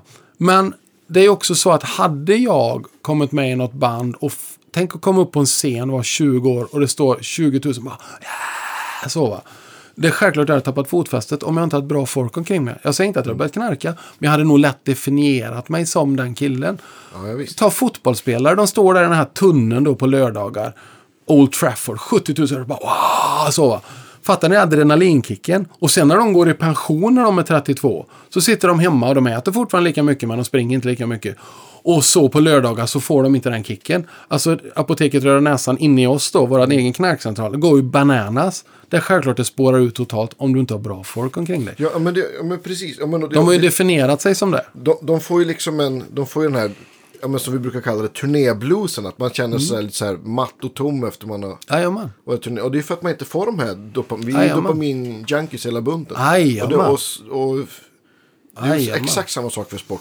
Jajamän, apoteket Röda Näsan inombords går vi går bananas. Och sen, sen har du ju alla de här feelgood historierna då. Eh, och, ja, vi har de här signalsubstanserna som, som är fantastiska men som också... Det är som allting, lite för mycket, det är väl lite för bra. lite för bra. Men vem, vem definierar mig? Har vi då en, en jury som definierar, är jag en bra föreläsare? Är jag, jag, min, min bästa min bästa säljkanal, det är mitt sista jobb. Jag ska göra ett skitbra jobb nu. Jag måste möta dem där. Jag vill komma och bidra. Jag vill komma underifrån. Jag är bara människa, eller bara, det är inte bara, men jag är ingen Folk frågar så här, "Ah, vad är du expert på? I samma sekund som du säger att du är expert så ska folk ifrågasätta dig. Så jag brukar säga, jag är ingenting. Och kan vara väldigt provocerande för en del. Hur kan du säga att du är ingenting? Jag är ingenting. Men det är också ett sätt att bara rock the boat lite, så att det skakar lite, så att sätter ner. Alltså, Jag, jag träffade en människa som faktiskt på 100% allvar sa att ja, alltså på akustisk gitarr är jag ju också, precis så här han, 100% fullärd. Oh! Men på elgitarr kanske du kan lära mig någonting. Bara, Det är priceless! ja, men det är, på elgitarr kanske med. ja, Kanske. Nej, det är världsklass. Ja, jätteroligt. Nej, det är helt Hur fantastiskt. blir, alltså, hur blir folk så? Tänker jag sådär. För de, de där 100 finns... Inte bara full, 100% full. Nej, det är totalt... Ja, men det är Var lite så han här. 100% full där tyckte du på akustisk Jag hade nog sagt så här, ABF har en studiecirkel i att få insikt. Går han? Hette han Göran Sölscher? Det kanske jag förstår liksom. Ja. Nej, men det är, det är magi. Nej, men jag, jag vet när du säger det. Det var före detta i- Idol-deltagare. Det här är ganska många år sedan också. Så. Ja, kan Ja, skitsamma. Nej, men alltså, jag, jag måste bara, det var en kille som kom in när jag jobbade på musiklagret. Jag jobbade där ett år. Eh, och det I var, Bo- i Borås? Borås ja. Ja, ja. ja. det var precis, jag började föreläsa 2002 och det var precis där det blev så mycket så att jag, jag fick faktiskt säga upp mig. Eh, och så började det här då, heltid då. Men, och, fantastiskt, givetvis. Men, en gång kom det in en kille.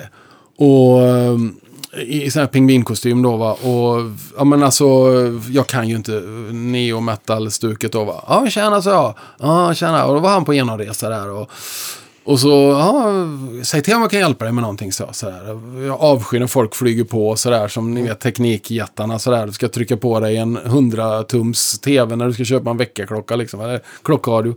Alltså man vill vara lite layback så. Ja, eh, ja jag känner på den gitarr. Jajamän, så. Och så tar han ner och strattar där. Och drar en sån yngveräka så att ja, men klockorna stannar liksom. Bara, så här. Och tjänare så jag, vad häftigt. Det där har jag ju bara drömt om att spela liksom. Ja, jag ska lägga av nu. Jaså, vadå? Tänkte om han skadat sig så. Nej, det var faktiskt så att jag i veckan här, eh, jag insåg här att jag kommer aldrig bli bäst. Så att det finns ingen anledning att fortsätta. Okej. Och då, det är inte rätt eller fel. Men fy vad tragiskt. Men nu är vi där med drivkraft igen. Han skulle ju bli bättre. Det var bara en prestation. Förmodligen då mest noter i minuten då. va? Där är grejen. Eh, och, och, och det är inte fel. Men det är, det är ett perspektiv. Och för mig så innehåller musiken lite mer då. Alltså jag, jag, nu får jag betalt för att spela i och för sig. Absolut, när jag använder musiken i mina föreställningar då. Men i, vissa fall då, föreställningar. Sen föreläser jag ju mest vanligt utan någonting då. Men där använder jag ju musiken i metafor och sådär. Men, men just det där att någon annan ska definiera vem jag är eller vad jag får göra och inte. Eller när jag är vad. Det blir ju ruskigt skevt. Eh, för jag är ju musiker. Eh, sen önskar jag att jag vore bättre. Eh, eller så. Jag, jag, jag tror också, jag hoppas jag är ensam, men det kanske är någon där ute som lyssnar på detta som känner igen sig. Jag har ju verkligen inte gjort så som man skulle göra. Jag har ju inte lyssnat på hur låter när du spelar, Hasse. Alltså, vibrato, alltså, ja. Ska vi säga det förbjudna ordet? Nej, men, så här, ja, men runkande kaninen-vibratot är ju bara, alltså då höll jag på att köra av vägen. Jag, hörde först, jag skrattar så grät. Men alltså, ja men det är så, för mig är det en sån klockren beskrivning. Alltså det, det är ju noll ton. Och jag tänker då på, på Brian May då. Jag har ju lyssnat på han hela mitt liv i princip då. För mig är det magi. Det bara sjunger vad karln än gör. Sen älskar jag Angus Young. Jag älskar Freddie King. Det är annat vibrato, men det, det sjunger. Sen är det inget vibrato som har rätt eller fel. Men när det är sådär odefinierbart, lite upp eller lite ner och lite... Alltså, nej, det är väldigt lite musik i det liksom. Och jag lyssnar inte. Så jag tog massa dåliga beslut. Jag bara spelade det jag var fylld av. Jag skulle behövt någon som kom in och säga Vänta lite nu grabben. Vill du uttrycka det här? Ja, okej, då ska du nog göra så här. Men jag hade inte det. Och jag... Nu lät det som att jag är ett offer. Absolut inte. Jag insåg inte och tog inte ett beslut där. För du måste ju få någon slags insikt. Och, och sen kommer man till dig och säger, nu är det så här, jag är 100% full där på akustisk sitta. Då har vi en liten, min gissning då, jag har inte träffat personen, men min gissning är att vi har en liten lack av insikt här då. Och någon gång måste vi våga krocka och det är jobbigt. Jag, jag gjorde det för några år sedan. Eh, Så här tänker jag, det är bara Ja. den som går vilse som hittar nya vägar. Så som musiker så måste jag gå vilse ibland. Så inte bara gör samma, samma, samma liksom. Och då gjorde jag så här, eh, en, en fantastiskt god vän och mycket duktig gitarrist, Niklas Karlin. Jag rekommenderar han som, han är lärare också. Eh, så Skype, eh, svinbra. Bra människa, skitbra kille. Han har ju gått där borta och han plugga. Oj, oj, oj. Och då var det så här att jag hade ju massa sådana här flygtimmar, eller vad heter det, flygpoäng och skit på SAS då. Och då sa Niklas, "Ja, men kom över då när han gick på gitarr då. Han har precis kommit hem efter, han har varit över i tre år nästan. Och han har spelat och jobbat och så vidare. Då. Men i alla fall, så, Så han kom över, de har ju en sån här sommarkurs. Ja, vad coolt. Så tittade jag på det. Och det är ju bara för kids liksom som ska gå på skolan då. va. Men jag fick ju reda på att det var ju samma lärare. Det var ju det jag var ute efter. Ja, men cool, sa jag. Ja, men du får bo hos oss där. Ja, men schysst. Ja, men jag kommer över. Så jag drog över där då på den här kursen då och de undrar ju bara vad är detta för en idiot? Och när jag satt där på det här uppropet då, jag var ju äldre än vissa föräldrar liksom. Men skit i det, jag var ute efter lärarna liksom. För jag måste gå vilse. Så i, i, i den här veckan där så spelade jag bara sånt jag inte kunde. Och det är rätt så smärtsamt faktiskt. Det är självklart jag kan mer än jag visar där, men jag spelar bara det jag inte kan. Och det är jättemycket. Ja. Och de tänkte bara, vilket stolpskott. Det är ju inte en siffra. Han- kan, alltså, men det var det jag var ute efter, så jag ville bara kollidera med mina svaga sidor. Stenhårt, jag ville bara gå vilse. Och allvarligt talat, jag, jag visste det att jag kommer ha en sån självförtroendeknäck så att och jag, jag tror det, jag, jag mådde nog ett år efteråt som jag självförtroendemässigt var riktigt, riktigt knäckt. Alltså jag gjorde om hela min plektrumteknik och vibrato. Hela, för, för jag ville inte, nu är vi där igen. Jag, hur jag definierar mig, vad vill jag uttrycka? Inte vad juryn säger. Nej. För jag vill ha ett vibrato som sjunger mer. Och det sjöng rätt dåligt kan jag säga innan. men det var ju smärtsamt liksom. Och jag tror för mig, jag säger inte vad alla andra ska göra, men för mig är det jättebra. För mig är det utvecklande. Absolut. Jag måste kollidera. Vad gör ni då? Alltså ni som har varit med så länge, så vad gör ni för att kollidera ibland? Eller tänker ni så en gång? Ni kanske bara gör det by default. Eh, nej, men jag, jag, jag övar på saker som jag inte kan. Som Just jag det, det är ju bli- kollidera. På, liksom. Till exempel, det, så ett av mina nyårslöften, jag brukar ha några seriösa så något som jag säger. Så ska jag spela mer pedal steel, för jag spelar nästan ingen pedal Okej, steel. ja, ja, ja. Och det är också så här, det är lite som att spela kyrkoljor. Man gör 3000 saker samtidigt med fötterna. Uh, helikopterförare liksom. ja, Ja, men lite så. ja. det är Men ingen lek. det, Och det är ju liksom inte, då, då kanske du inte får den här kicken, fy vad grymt bra det låter. Utan då hör du Nej, bara, fy nej. vad dåligt det låter. Men det här Ja, men ska jag göra bättre. Ja, men, ja, men det är lite så här, jag spel, om man inte har spelat på ett tag så tar det Mm. liksom någon dag eller två och bara typ komma ikapp där man var. Liksom. Ja. Vad måste jag fråga, vad är det som får dig att ta de två, tre dagarna? För jag tror, nu, jag tokkillgissar nu, jag tror det finns otroligt många musiker i vårt kära land som är duktiga och drivna och så vidare. Men de fattar inte eller vågar inte ta det där steget att vara obekväma i två, tre dagar. Jag vet inte hur många kompisar som fortfarande inte, om jag säger, kör en A-penta över hela halsen. Nej, det börjar bli lurigt där uppe, nionde bandet uppåt. Vad heter tonerna? Eller så, harmoniläraren är ju, folk säger jag kan harmonilära. Och tittar man på Rick Beato då, eh, alltså harmoniläraren är ju ett universum. Ja, ja, absolut. Alltså, du vet, jag, jag, jag kan ju bara säga att jag skrapar på ytan. Men när jag skriver låtar så, jag är hyfsat hemma. Jag, jag fattar alla toner och allting. Men, men inte ens det. Men det är en sån här engångskunskap, tänker jag. Om du bara tar över den tröskeln så är du klar med det hela ditt liv. Tänker jag då. Teoretiskt, Eh, ja. Ja. ja, exempelvis då. Alltså vad en tröskeln heter. Ja, men sitt lite mer med plektrumet och... och men men jag- många bekvämspelar bara, tror Det, jag. det är en, en reflektion kring den grejen. Eh, som man kan ta med sig. Att, att om, man, om man vill bli om man vill, vill bli bättre på, om vi nu pratar vi om att spela gitarr då, om man vill spela, eller som i, det jag nyss sa då, pedal steel. Så, så måste man ju öva på saker som man inte kan.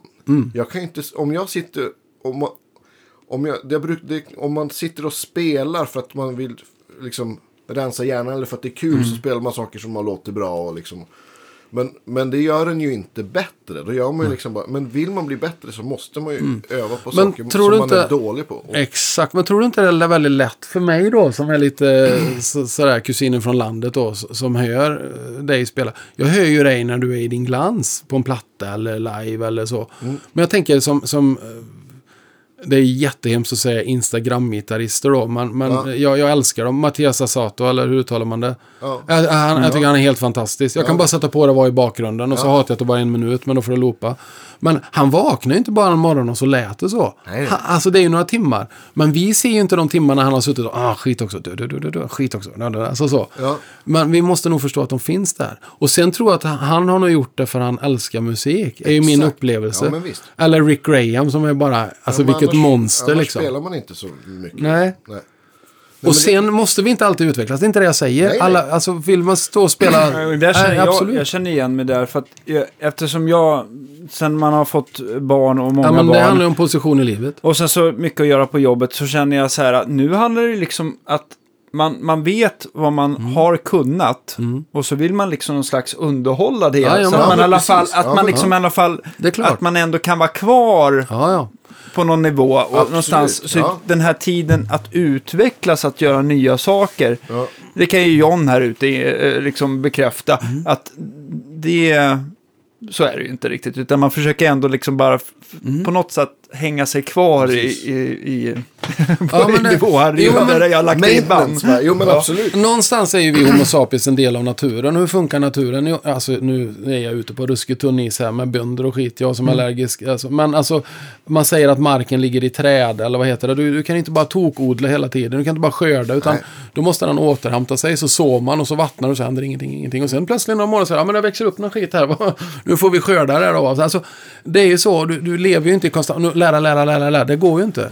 Men n- när man väl gör det då. Och, och du är i en fas nu, jag menar, jag kommer ihåg när, när mina var små. Det var ju liksom inte, då fanns ju inte YouTube på det sättet med, som det är idag. Det är ju världens bästa universitet. Men det är klart, och då, då hamnar man i det här förvaltningsläget då. Jag försöker behålla nivån någorlunda då. Sen är det ju lite så, har man spelat riktigt mycket och gjort rätt. Eh, Jon Björk, jag älskar, han är ju så bra bara. Fantastisk lärare, också Skype-lärare. Okej. Eh, ah, han måste ni ta hit. Han är ett monster. Han är världens ödmjukaste människa. Och spelar brallorna hela världen. Men han kan ju, han är ju pedagogisk med. Att någon spelar snabbt, exempelvis om det handlar om teknik då. Men lite där vikten av att göra rätt hela tiden. Han har ju varit en jättehjälp för mig. Att, att bygga upp från början. Alltså, och grejen är att m- Det låter som en år... gröm, drömgäst tycker jag. Ja, han är fantastisk. Ja, svinbra. Eh, han, han kör ju Solar Guitars där nu, Olas gitarrer och... eh, Olas gitarr lät som... Jag har aldrig träffat honom, vi det lät som vi firar jul. Jag menar inte det, men Ola Englund. Ja. En trevlig prick. Ja, verkligen. Också underhållande så va. Men alltså, med alla, när du har turnerat och spelat och så vidare, betyder, du har gjort väldigt mycket rätt. Det betyder att datan ligger väldigt bra förpackad i din hjärna. Och då är det lite som mat, du behöver mikra den bara lite. Men har du inte byggt rätt från början, då har du inget grundfundament. Då faller du inte tillbaka på någonting. Alltså, jag menar ta Carolina Klüft. Vad är det som gjorde henne så fantastisk? Jo, hon har nött, nött, nött på rätt sätt. Eller så. Och sen har hon då ett psyke. Jag vet inte att detta säger någonting. Men det var ju något VM där i Paris tror jag det var. Plötsligt så gör hon två. Man har ju bara tre chanser i längdhopp. Jag, jag kan inget om friidrott nu. Men alltså typ. Och hon trampar över i bägge två. Och det är sjukamp. Då känner man ju bara, safea nu. Bara du får ett godkänt hopp. Annars är hon borta. Men hennes hjärna funkar inte så. Och hon föll tillbaka på två saker. Dels hennes fantastiska tävlingspsyke. Som inte tänker, åh vad händer om jag gör fel nu? Och den här rädslan. Och att hon plockar upp, jag har gjort detta rätt en miljard gånger. Att, att lär dig av din framgång. Har du gjort rätt? Hon tar fram det och gör ett kanonhopp då. Det finns ju inte på kartan. Jag, jag stod hemma och skrek bara. För det, det, det är en sån fantastisk prestation. Men att ha så att man har gjort rätt. Och då finns det där. Det betyder att din väg, skulle några ringa här nu och säga ah, vi har en snabb turné, kan du ho- hoppa, på här och ni kommer överens om hemma. Ja, men det är okej att jag är hemma några dagar här och du känner att ah, jag är lite ringrostig. Din väg tillbaka till leveransnivå, den är ruskigt kort. Absolut. Det, eller så. Eh, min övertygelse. Ja. Men vikten av att göra rätt då. Och jag, jag hade ju inte då, det, det omkring mig. Eller, jag, eh, så, oh, det lät som ett offer. än. Jag menar inte det. Jag tog inte ansvaret och hade inte insikten. Jag var lika insiktslös som han 100%-killen där. Eh, jag trodde inte att jag kunde allt, men, nej, men det här funkar så. Om jag tittar på alla dumma grejer jag sagt i mitt liv, alltså den boken går aldrig skriva för då får vi hugga ner hela Amazonas liksom för att göra den boken. Nej men det är galet. Jag kommer ihåg jag sa så här, ah, Yngve då, är inte han bra? Ah, jag gillar inte det då. Nej men han spelar, det är legato, det är fusk, det, han gör inte anslag hela tiden. Nej men hallå, sänk Hasse i en sjö liksom. Men jag, jag hade någon övertygelse där. Jag var ju helt dum i huvudet. Jag hade fel. Det sköna är när man har fel, det är att ingen dör. Jag hade fel och då får jag tänka om. Och så har man rätt. Men alla dessa som är rädda för att ha fel. Jag tror många musiker sitter fast för att de vågar inte ta de här två, tre dagarna för då låter det inte bra och då är jag fel. Ja, men det, det är Det är liksom, synd. vem är den bästa gitarristen? Eller vilken är den bästa overdrive-pedalen? Eller är det jag som... Min är död. Ja. Och, och det, är, det, det finns ju inget svar på den. Nej. jag gillar liksom den jämförelsen med mat. Det är liksom Nej. något som jag tycker är jättegott. Kanske du tycker Det är klart. dåligt. Och det är liksom... Och inte ens om, om vi tre skulle ta samma stärkare, samma gitarr, samma, vi, vi tar eh, Jons fuss här, eller alltså tar någon pedal. Det hade inte låtit likadant heller. För det magiska med gitarr är att vi håller ju tonen inom oss. I andra instrument så trycker du på en mekanik som ut, utlöser någon rörelse i mekaniken som slår an en sträng. Ett Ja, piano visst. exempelvis. Jag förringar inte det, fantastiskt. Men det betyder att sättet vi slår an strängen, vinkel, bla bla bla, vibrato. Allt det här spelar ju in och påverkar tonen hur mycket som helst. Och det är därför vi aldrig blir klara. Det är det som är visst. magin. Men många har jurytänket då. Men de, jag, jag, jag måste göra rätt. Vad är rätt? Mm. Jag, jag behöver rätt pedal, jag behöver rätt vibrato så att det blir rätt. Ja, men det finns ingen jury här nu. Vad vill du uttrycka? Och jag tror vi måste börja där. Eh, och, och lyfta människor. Och jag, jag tycker jag älskar ju- Max Martin är ju ett sånt supergeni.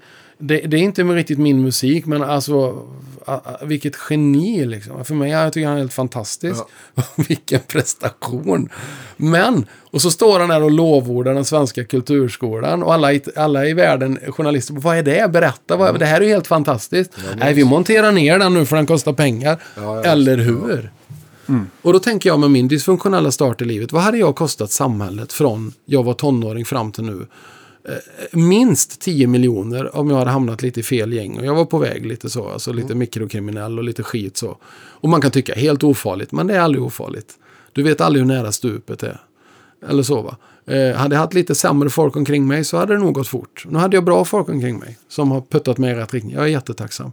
Men vad, vad, idag då? Ja, men jag är en fungerande pappa och jag, jag betalar skatt och jag har ett företag och jag bidrar till samhället. Och, och vad, vad kostar det där musikrummet som vi lirade i första gången? Det, det var ju någon, någon sån Fender Twin-historia, någon basrigg och något Tama-trumset. På den tiden kanske vi pratar 10-15 tusen tidigt 80-tal. Vad är det idag? 30? Jag, vet, jag kan inte det. Säg att det är 30 000. Det är rätt lite pengar. Och det var inte bara vi som spelade där. Vi var ju flera visst. band. Vad, vad är, det, är ju, det är ju ingenting Och bara liksom. hörlurarna. Ja, det var bara världen som rasade nu. Nej, men, men det är så, här. så jag tror i samhället måste vi tänka om. Vi har en fantastisk musikalisk kraft i oss människor. Vi är musiska allihopa. Eh, men få fram lekfullheten då. Och samtidigt så har ju talangprogrammen och allt detta givetvis gett många människor mina barn skickar klipp till mig och sådär. Det var någon snubbe som jobbade på ett pappersbruk i Norrland. Han sjöng så bra så att jag höll på att dö. Ja, vad har du varit liksom? "Ja, Jag sjunger lite i bilen.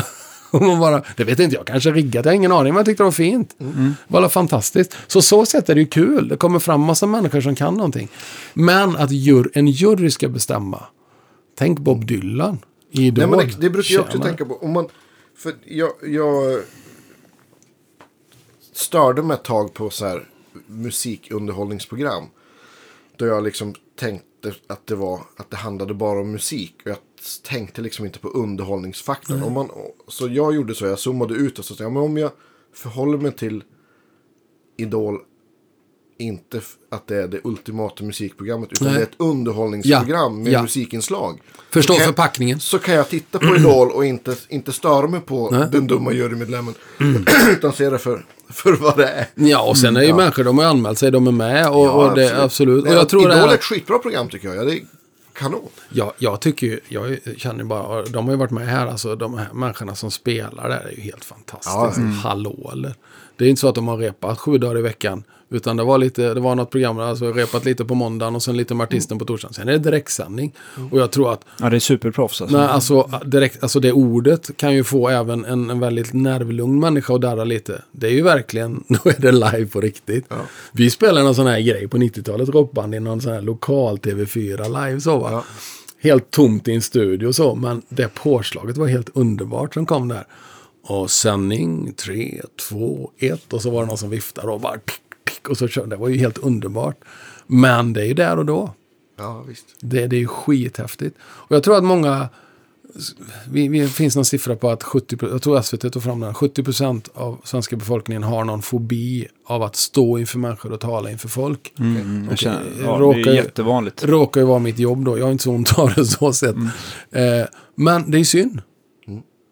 Jag, jag, jag känner så här, det här snacket, man ska, de, ja, men det här barnet, de ska inte tro att de är något. Det är exakt det de ska tro. Du ska tro att du är något. Alla ska tro, alla, tänk alla tjejer som får stå tillbaka. Jag, jag har ju döttrar och så vidare. Jag var ju feminist innan ordet uppfanns. Nej, kanske inte. Men det är självklart allas lika värde. Så. Absolut. Och alla dessa tjejer som, som kanske inte vågar eller trycks tillbaka av alla dessa dryga patriarkalträsk-strukturer vi byggt upp. Och då kan ju vi vita män säga, ja men nej, det, så är det ju inte. Nej, inte för oss. För vi är, vi är vita män. Men många tjejer, de får försvara och förklara sig till döds innan de ska göra någonting. Och här måste vi bygga om. Och jag älskar det nu på Instagram. Jag följer ju massa tjejer där. Och de spelar ju så bra så det är löjligt. Ja, visst. Aldrig hört talas om dem. De är grymma. Ja. En helt annan, känns det som då, helt annan access till det. De tänker på ett annat sätt. De, alltså de, det är ju ljuvligt liksom. Och då vad får vi då? Vi får mångfald. Vi gör på olika Ja, sätt. absolut. Det är ju magi. Och här tror jag att, att eh, eh, ja, förlåt att vi hamnar där då, men jag, här har vi en sån fantastisk kraft. Vi har en musik, det är en fantastisk grej. Vi alla har en relation till den, även om vi bara lyssnar. Så händer något i oss. Och de av oss som får ha gåvan att vara kreativa och göra låtar som sen betyder något för en annan människa är ju jättehäftigt. Alltså jag har ju skrivit låtar hela mitt liv. Jag är det bästa jag vet. Ja, hur många hits har du? Eh, noll. Ja, hur mycket har jag jobbat för det? Nej, jag har inte jobbat så mycket för det. Och de är nog inte bra nog heller. Men de har fortfarande betytt något för mig. Ja, Sen har jag skrivit låtar som folk har använt. Jag skrev en bröllopslåt för många år sedan. Det är skitkul att skriva musik som andra ska använda i ett sammanhang. Där jag får gå utanför mig själv då. Och den har spelats på massa bröllop och folk har lipat och tyckt det är fantastiskt. Och ja, det har haft en funktion. De vet inte vem jag är, men jag är jättenöjd. Kul. toppen. Ja, men, ja, men ni vet sådär va. Och jag tror att, att nu är vi där igen. Vad, vad driver oss? Vad är ditt varför? Och, och, och, och jag då som använder musiken i mitt föreläsande. Ja, imorgon då ska jag köra Konsten att leva nära livet eller hur jag får skiten att gå ihop då. Det är en föreställning. Jag, jag, jag, jag, jag spelar. Det, imorgon kommer det faktiskt vara en världspremiär av någonting som aldrig har hänt. Om jag får göra lite reklam då. Ja, men- det- det är redan fullt så ingen kan anmäla sig och så vidare. Var är det någonstans? det är Göteborg och det är Unionen på ett företag som heter Covi, massa ingenjörer som, som, eh, som har en lunchföreläsning då va. Och de sa, Hasse kan inte du komma hit, du har varit här massa gånger, gör något bra så. Och det är kul. Det är Gör det jag något lever bra. Ja, men du vet, det var, har varit bara här så många gånger, det har varit så bra. Ja men gör något, ja visst.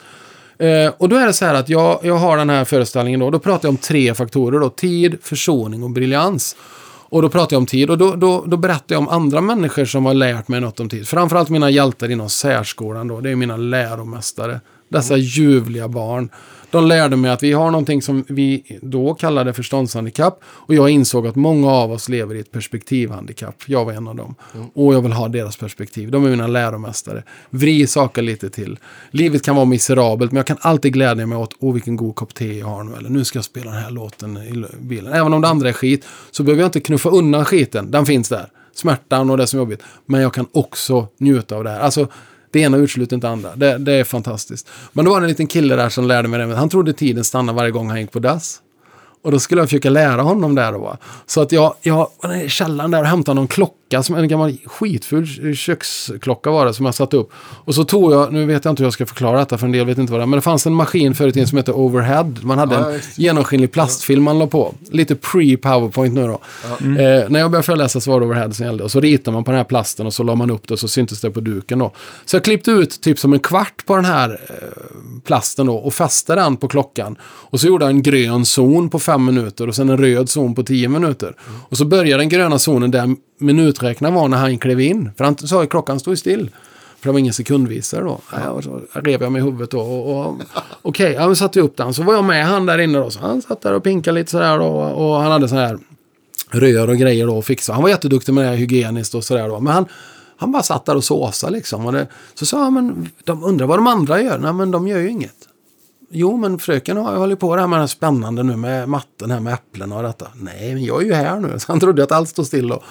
Nej, men satte vi upp den då. Så sa jag ingenting. Så gick det någon minut. Sen med två minuter så ropade han till. Hasse, Hasse, kolla! Så, "Vad- vadå? sa jag och spelade med så här. Det har rört sig, det har rört sig. Är det sant? sa jag. Så tittade vi så här på klockan. Ja, ah, den har rört sig. Nu måste jag gå ut till de andra. Liksom. Ja, då kände jag yes. Då har jag ju bidragit i hans liv. Han fick lära sig någonting. Men vad lärde han mig? Jo, som vi pratade om tidigt. Vikten av att tiden måste få stå still ibland. Den måste få stanna. Du kan inte vara i tanken överallt. Dina tankar kan vara överallt. Dina känslor kan vara överallt. Men dina sinnen kan bara vara där du är nu. Känna, smaka, lukta. Och använder jag mina sinnen så ankrar jag mig i mitt nu. Nu är jag stressad och jag, eh, på fredag och då ska jag... Nej, var är jag nu? Då kan jag känna tyget i soffan. Jag kan andas in luften och vara här. Många behöver liksom... När vi spelar så sker det per automatik. Och ni tänker bara, vad pratar han om? För ni gör det by default. Men jag träffar människor som inte gör det. Mm. Men då pratar jag om tid där och så vems tid. Att man tar varandras tid eller ger tid och så vidare. Va? Sen lirar jag en låt. Då har jag tagit en bakgrund. Först tänkte jag spela in själv. Men så hittade jag en bakgrund som var så bra så den köpte jag. Som är väldigt lugn och så spelade lite mer John Mayer-stil. Alltså jag är inte i närheten, usch vad hemskt det lät jag sa nu. Alltså jag är inte i närheten av John Mayer, det är inte det jag säger, men det är åt det hållet. Jag spelar Du som var 100% Du, sa, du sa att du spelar John Mayer stil, du sa inte att Jag- sen spelar jag nej, som John Mayer. sa du Jag är John Mayer, jag är hans svenska bror. Sen Hans är du Mayer. 100% John Mayer. Imorgon klockan 12 i Göteborg är jag 100% John Mayer. Mer än John Mayer. Nej, du vet. Nej, bevara mig, vad fel det blev. Nej, åt det hållet då. Och sen så är det en film. Jag har gjort en film. Jag har klippt ihop massa klipp där man flyger över massa landskap och berg och så vidare i slow motion då. För jag säger så här. Ta nu den här stunden, nu ska jag lira lite. Reflektera lite. Vad är rimligt i din vardag? För våra veckor ser rätt så likadana ut. Varför är vi alltid tjuriga på tisdagar? Jo, men då är det dålig mat i skolan och det kommer hem och sen är det träning och ding. Kanske vi ska tänka förhålla oss till tid på ett annat sätt på tisdag. Kan det vara så? Ja, men det, det, är, nog, det är nog en bra idé. Liksom, så, här. så ska vi nog göra. Och grejen här är att med, med små verktyg kan man faktiskt göra stora förändringar i sitt liv. Men då, då pratar jag så spelar jag det. Imorgon ska också min kära kompis Frida Adamsson vara med. Hon är graphic recorder. Vet du om du talas om det? Hon ritar live. Detta är helt galet. Är det. det finns ett fåtal professionella i Sverige. Hon är en av dem. Hon är helt fantastisk. Vi har jobbat ihop här nu i, i snart ett år. Eh, nej, hon är helt fantastisk. Så jag pratar och hon ritar. Så att medan jag pratar så växer det fram visuellt det jag pratar om. och det betyder att föreläsningen är kvar när vi drar, säger vi då.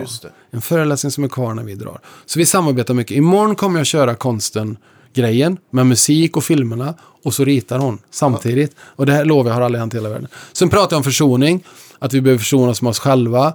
Och, och försona oss, alltså du kanske har orimliga föreställningar om dig själv som inte stämmer. Men försonas med dem då. Acceptera att det här är du.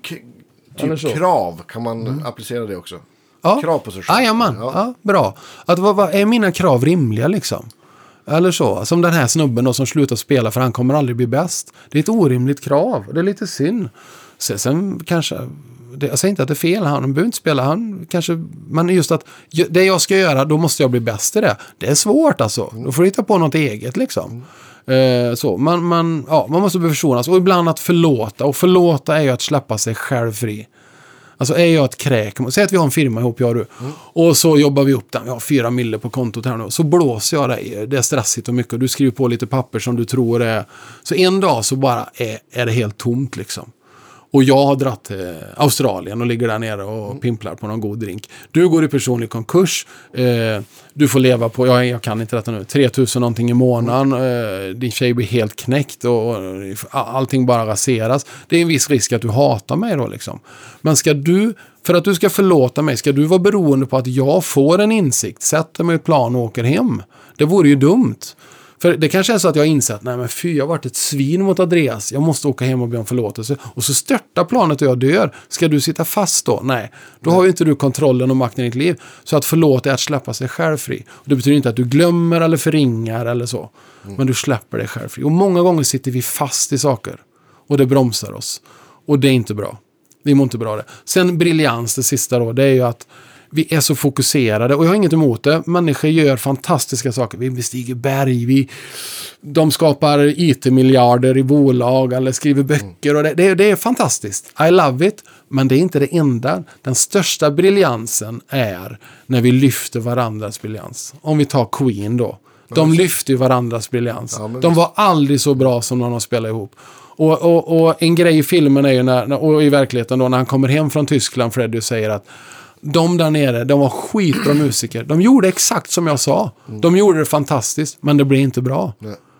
För jag hade inte dig, Dick, liksom, som, som gnällde på mig. Jag hade inte dig, Roger, som sa, man kan inte göra så här istället. Och det här, det här att vi krockar liksom, att det blir eh, ett motstånd liksom. Ja, men den helheten blir större än Ja, summan men precis. här. Och då måste vi våga lite. Och jag måste tillit till dig. Och, så, och du säger, ja, men kan vi inte göra så här på refrängen? Nej, det ska vara så här, säger jag.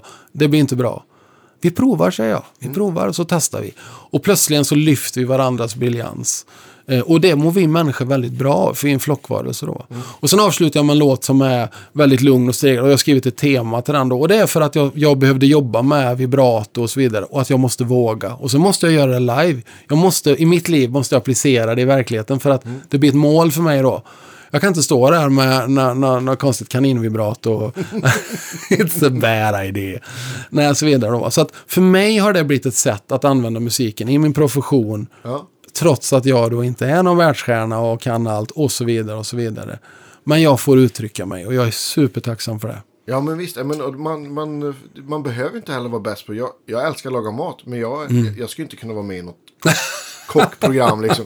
Jag skulle åka ut på att jag ska ha för dålig lök på en gång. Men, men precis.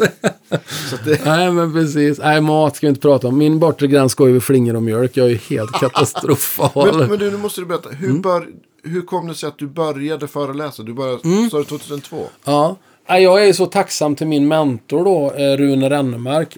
En underbar människa. Eh, Han var ju seniorkonsult, alltså styrelseproffs, författare, föreläsare. Åkte runt i hela landet.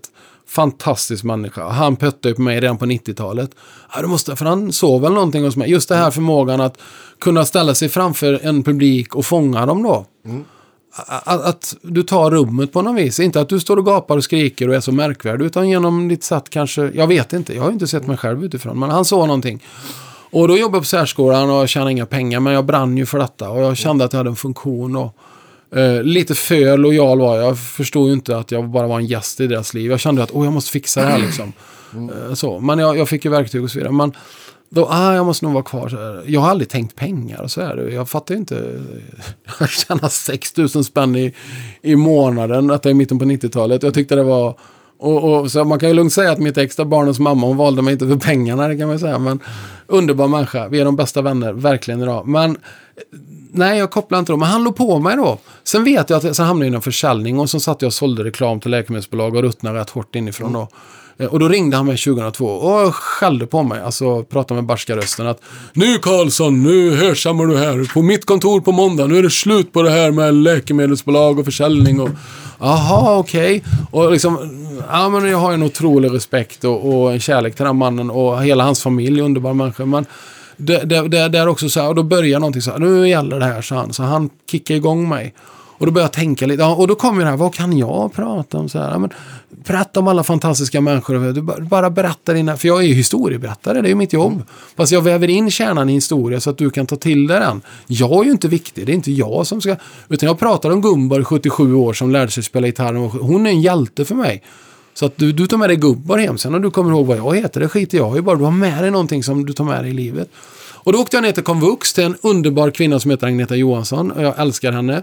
Hon eh, tittar på mig med barskt tittar hon över glasögonen och sa "Ja, ska du ha pengar eller? För hon satt och- med, med utbildningsbidrag, EU-projekt och grejer. Nej, nej, nej, sa jag. Och så kom Barbro, hon jobbade i receptionen då, hon kände mig. Nej, nej, nej, Hasse, jag ska ha en gratis grej här. Så jag, jag, jag har en föreläsning. Jag har aldrig testat detta, men jag vill föreläsa. Och ställa sig inför folk utan gitarr, det var ju grymt fel. Alltså det, var, det kände jag ju bara, vilken skräck liksom. Har man gitarren, det är lugnt. Mm. Du är hemma. Ja, jag känner exakt. När Ah, man har varit ja. uppe på scen Ah. och så ska man fronta Nej, och så vet. har man inget att hålla i. Nej. Så bara står man och kladdar lite på mixstativet. Ja, och när du har ändrat det i 5000 innan första refrängen så, nej men du vet. Men i alla fall så sa jag, jag har en gratis föreläsning. Ja, vad är det för hake då? Nej, det är ingen hake. Det är, jo, sa jag, det finns en. Det är att du ger mig ärlig kritik efteråt om det är bra eller dåligt. Och då gjorde jag så att jag ringde Markbladet och det är en liten gratistidning hemma i kommunen. Som alla läser för att den är så bra. De har fattat grejen. Den har ett läsvärde. Så alla läser Markbladet. Alltså detta är ju 2002 då. Så in, det är inte så mycket internet och så på det sättet. Och, då, då kom de in. och så höll jag en föreläsning och det gick väldigt bra. De tyckte det var jättebra och folk blev berörda och så vidare. De skrattade och de fällde en tår och, och så vidare då. Och, Markbladet, och vad hände då? Ja, då blev det några jobb till och några jobb till. Och, så. och sen var det i rullning då. Va? Sen insåg jag att det här vill jag göra. Hur gör jag nu? Och då, då, då vet jag Conny, eh, min, min, eh, han är ju Conny Gustafsson. Eh, han är också pensionär nu. Vassaste copywritern i Sverige säger jag. B2B. Han är grym. Han har lärt mig hur mycket som helst. Det är ju bara, Det är som att gilla att spela tennis och så kommer liksom Federer och säger vill du träna med mig? Eh, ja. ja men han lärde mig jättemycket. Och han sa så här, när du marknadsför dig själv, berättar du vad du gör eller berättar du vad kunden får? Det är så lätt att vi går in i oss själva och berättar vad jag gör. Istället för att berätta vad är det kunden får. För kunden vill ha en, alltså, vi, vi vill ha ett band. Ja, men du vet, jag, jag körde Dario 010 här va. Och, och jag har tweakat nu min Olsson-amp här nu. Det skiter de i. De fattar ingenting. Nej. Men okej, ni vill att folk dansar och så vidare. Du, vi har en skitbra grej här. Min senaste platta har faktiskt en hel del svängiga låtar. Vi kunde göra en grej av det.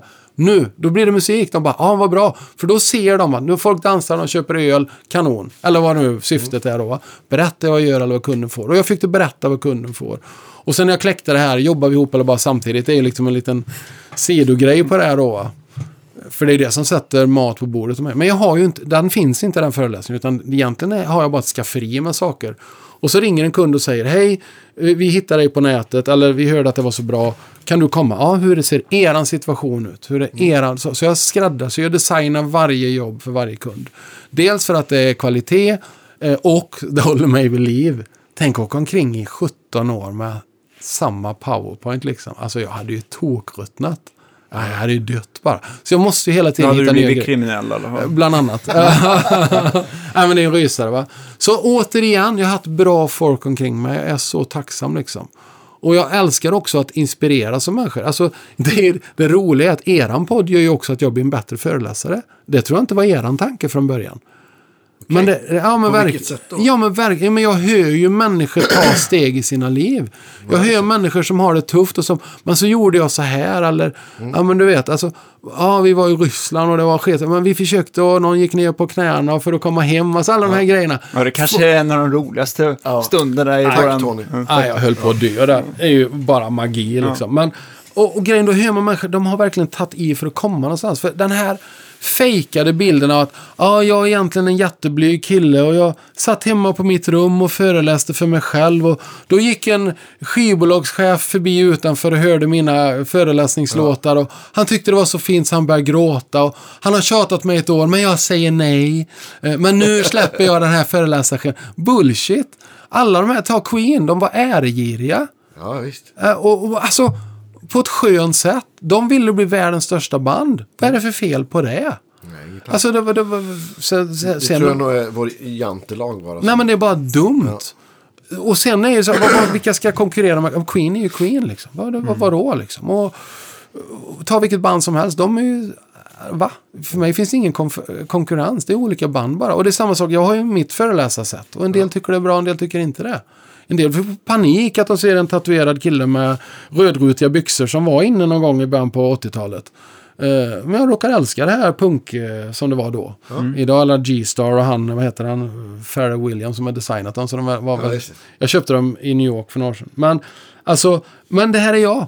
Fine. Jag, jag, och det, jag tror många känner att försöker du vara något annat, det skiter sig som musiker med. Absolut. Det går, okej, jag hatar blues, men okej, jag är med på den här bluesfestivalen. Det kommer inte gå Nej. så bra liksom. Nej, det funkar inte. En kompis till mig hade varit på en grej i, i staterna där, jag tror det var på Git. Kirk Hammett kom och skulle hålla någon, någon grej då. Men han var ju så skön så han sa, ja, ni, ni, ni, ni, de flesta vet ju kanske att jag, jag är inte blueskillen riktigt, men eh, jag tänker lite, bara för han var så ödmjuk så var det lugnt. Eller så hade han sagt så här, jag är 100% bluesgitarrist. Koppla in tre wah-wah-pedaler och så tar du svajaren så... Nej, nej. men bara för han är en skön människa och ärlig liksom. Ja, det, det, det, det är lite tricket tror jag. Jag kan känna så här att min så här, om, man, om vi bara stannar vid Kirk Hammett någonstans, så kan jag, jag har liksom, det har funnits en tid då jag liksom tyckte att Kirk Hammett var bäst. Och sen så tyckte jag att han var sämst. Ja. Det är Alltså, han är lätt att vara verkligen- Kirk Hammett. ja, men jag tyckte liksom så här att, du vet så här, det kom andra gitarrister in i mitt liv, även om jag började lyssna på, mycket på Metallica och sådär.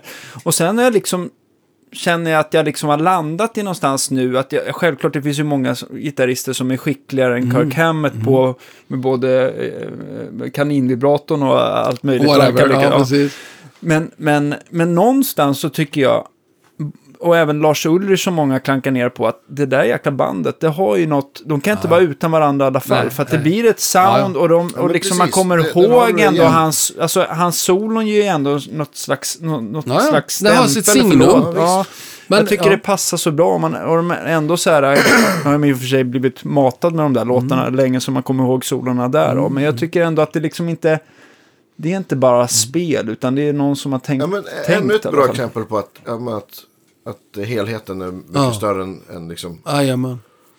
Och, ja, precis. man, Och Oj, tänk, ja. Men, men lite, lite så, jag, jag tänker det här att jag har aldrig fattat varför man ska vara för emot. Ta Thomas Ledin exempelvis. Vilken fantastisk musiker, vilken karriär. Vilket, fatta att han är en ljudkuliss, det här folket.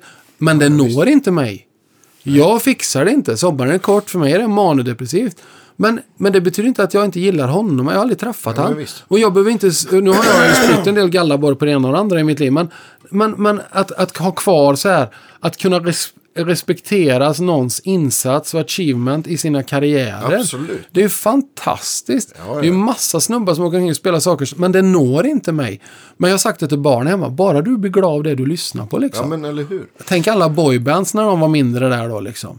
Ja, men bara du blir glad liksom. Det är lugnt. Hur, hur, hur eh, jag tänker så här, så, så man liksom kan dra paralleller i alla fall eh, till folk som kommer in i butiken och sen så, sen så mm, har de åsikter om olika gitarrer och hur det ser ut sådär. Att folk, alltså, alltså att folk... Ja, Hur fasiken vill jag, hur vill jag få fram det här? Jo, men hur kan du liksom, eh, hur kan man tala folk till rätta som har liksom fastnat i, i, i hur, inom situationstecken, hur det ska vara och hur ja. det ska se ut. Att de ska komma ur det där, för att det är så jävla tråkigt. Jag har varit i det där själv, när man varit så här 50-tals-lajvare och det ska vara gamla kläder och musiken får inte vara inspelat eh, efter oktober 1957. Och ingen typ. lugg i pannan. Nej, men eller hur? Precis. Nej, men det är så. Så att, och jag är så jäkla glad att jag kommit överens, alltså att jag har kommit bort från det. Jag älskar ju fortfarande musiken, men det är ändå så här att jag tycker ändå att det är så himla mycket mer än att bara vara fast i det där. Liksom. Men är det inte lite att, om jag får tänka högt då, är det Ja. inte lite att försöka identifiera vad har den här människan för glasögon på sig? Och många av de här människorna, kategor, kategoriseringsmänniskorna, rätt och fel, alltså det är svart och vitt. Mm. Och när det är svart och vitt, alltså vissa, man måste få ha de glasögonen och säga att det finns lite mer nyanser där liksom. Men, men är, inte det, är inte det en, är inte det en sån här trygghetsgrej? tror jag. Att, att om, om, om, jag tror att människor gill, vi gillar ju att sätta saker i fack. Och jag tror också att, att vi blir trygga av att sätta i saker i fack. Om man, okej, ja men just det, ja, men jag, då, om, om jag har de här kläderna och lyssnar på den här musiken. Och de är bra, då vet jag att då får det inte vara inspelat efter oktober 57. Det blir liksom ett förhållningssätt som skapar en trygghet. För att, men då har du någonting som det, tror jag, det tror jag är en stor grej med, med att, att fortfarande att... Eh, jag lägger noll värderingar här nu, men jag tror att religion är lite samma sak. Att folk får en tydlig mall. Okej, Jajamän. jag är muslim, då förhåller jag mig till det här. Jag äter inte kött. Eller jag är kristen, jag, då gör vi så här. Jag ger bort tionde till församlingen. Att det blir liksom att, att vi känner oss trygga någonstans Jajamän. av att, av att Ja, men du sätter fingret på ha, det. ha regler. Ja, men då är det så här att om du gör rätt så är du trygg därför att då förlorar du inte din position i flocken. Nej, just det. Då har du kvar din flock. För vi är en flockvarelse. Ensam är inte stark, jorden är inte platt. Punkt. Men om jag då... Men hur ska jag bidra till flocken då? Då måste jag kunna någonting. Eh, eller så måste jag bara vara mystisk då va. Eh, Alexander Bard erkänner det till och med själv. Men grejen är att, att när, om jag känner att min position i flocken är att den är hotad. Då blir jag fem år. Då blir jag inte så smart. Och då börjar jag kriga. Och börjar slå omkring mig. Som en femåring gör. För den kan inte uttrycka sig lika verbalt som vi bör kunna, vi vuxna. Men, eh, men och det är då vi får de här kriserna i bandet eller på arbetsplatsen då va. Eh, för jag kände mig hotad. Men egentligen är jag inte hotad. Men då är vi där igen då i hjärnan då att amygdala som sköter detta då med rädslopåslag, den är inte uppgraderad på, forskarna pratar om 40-70 tusen år. Jag levde inte då så jag vet inte. Men, så det betyder att den kontexten som var då, vi säger 10 000 år sedan, vi säger att vi bodde nere på savannen i Afrika då, här var det bara massa is, jag vet inte. Och så klev vi ut ur hyddan där på morgonen och rättade till djurhuden och tog knölpåken och jaspade lite då va.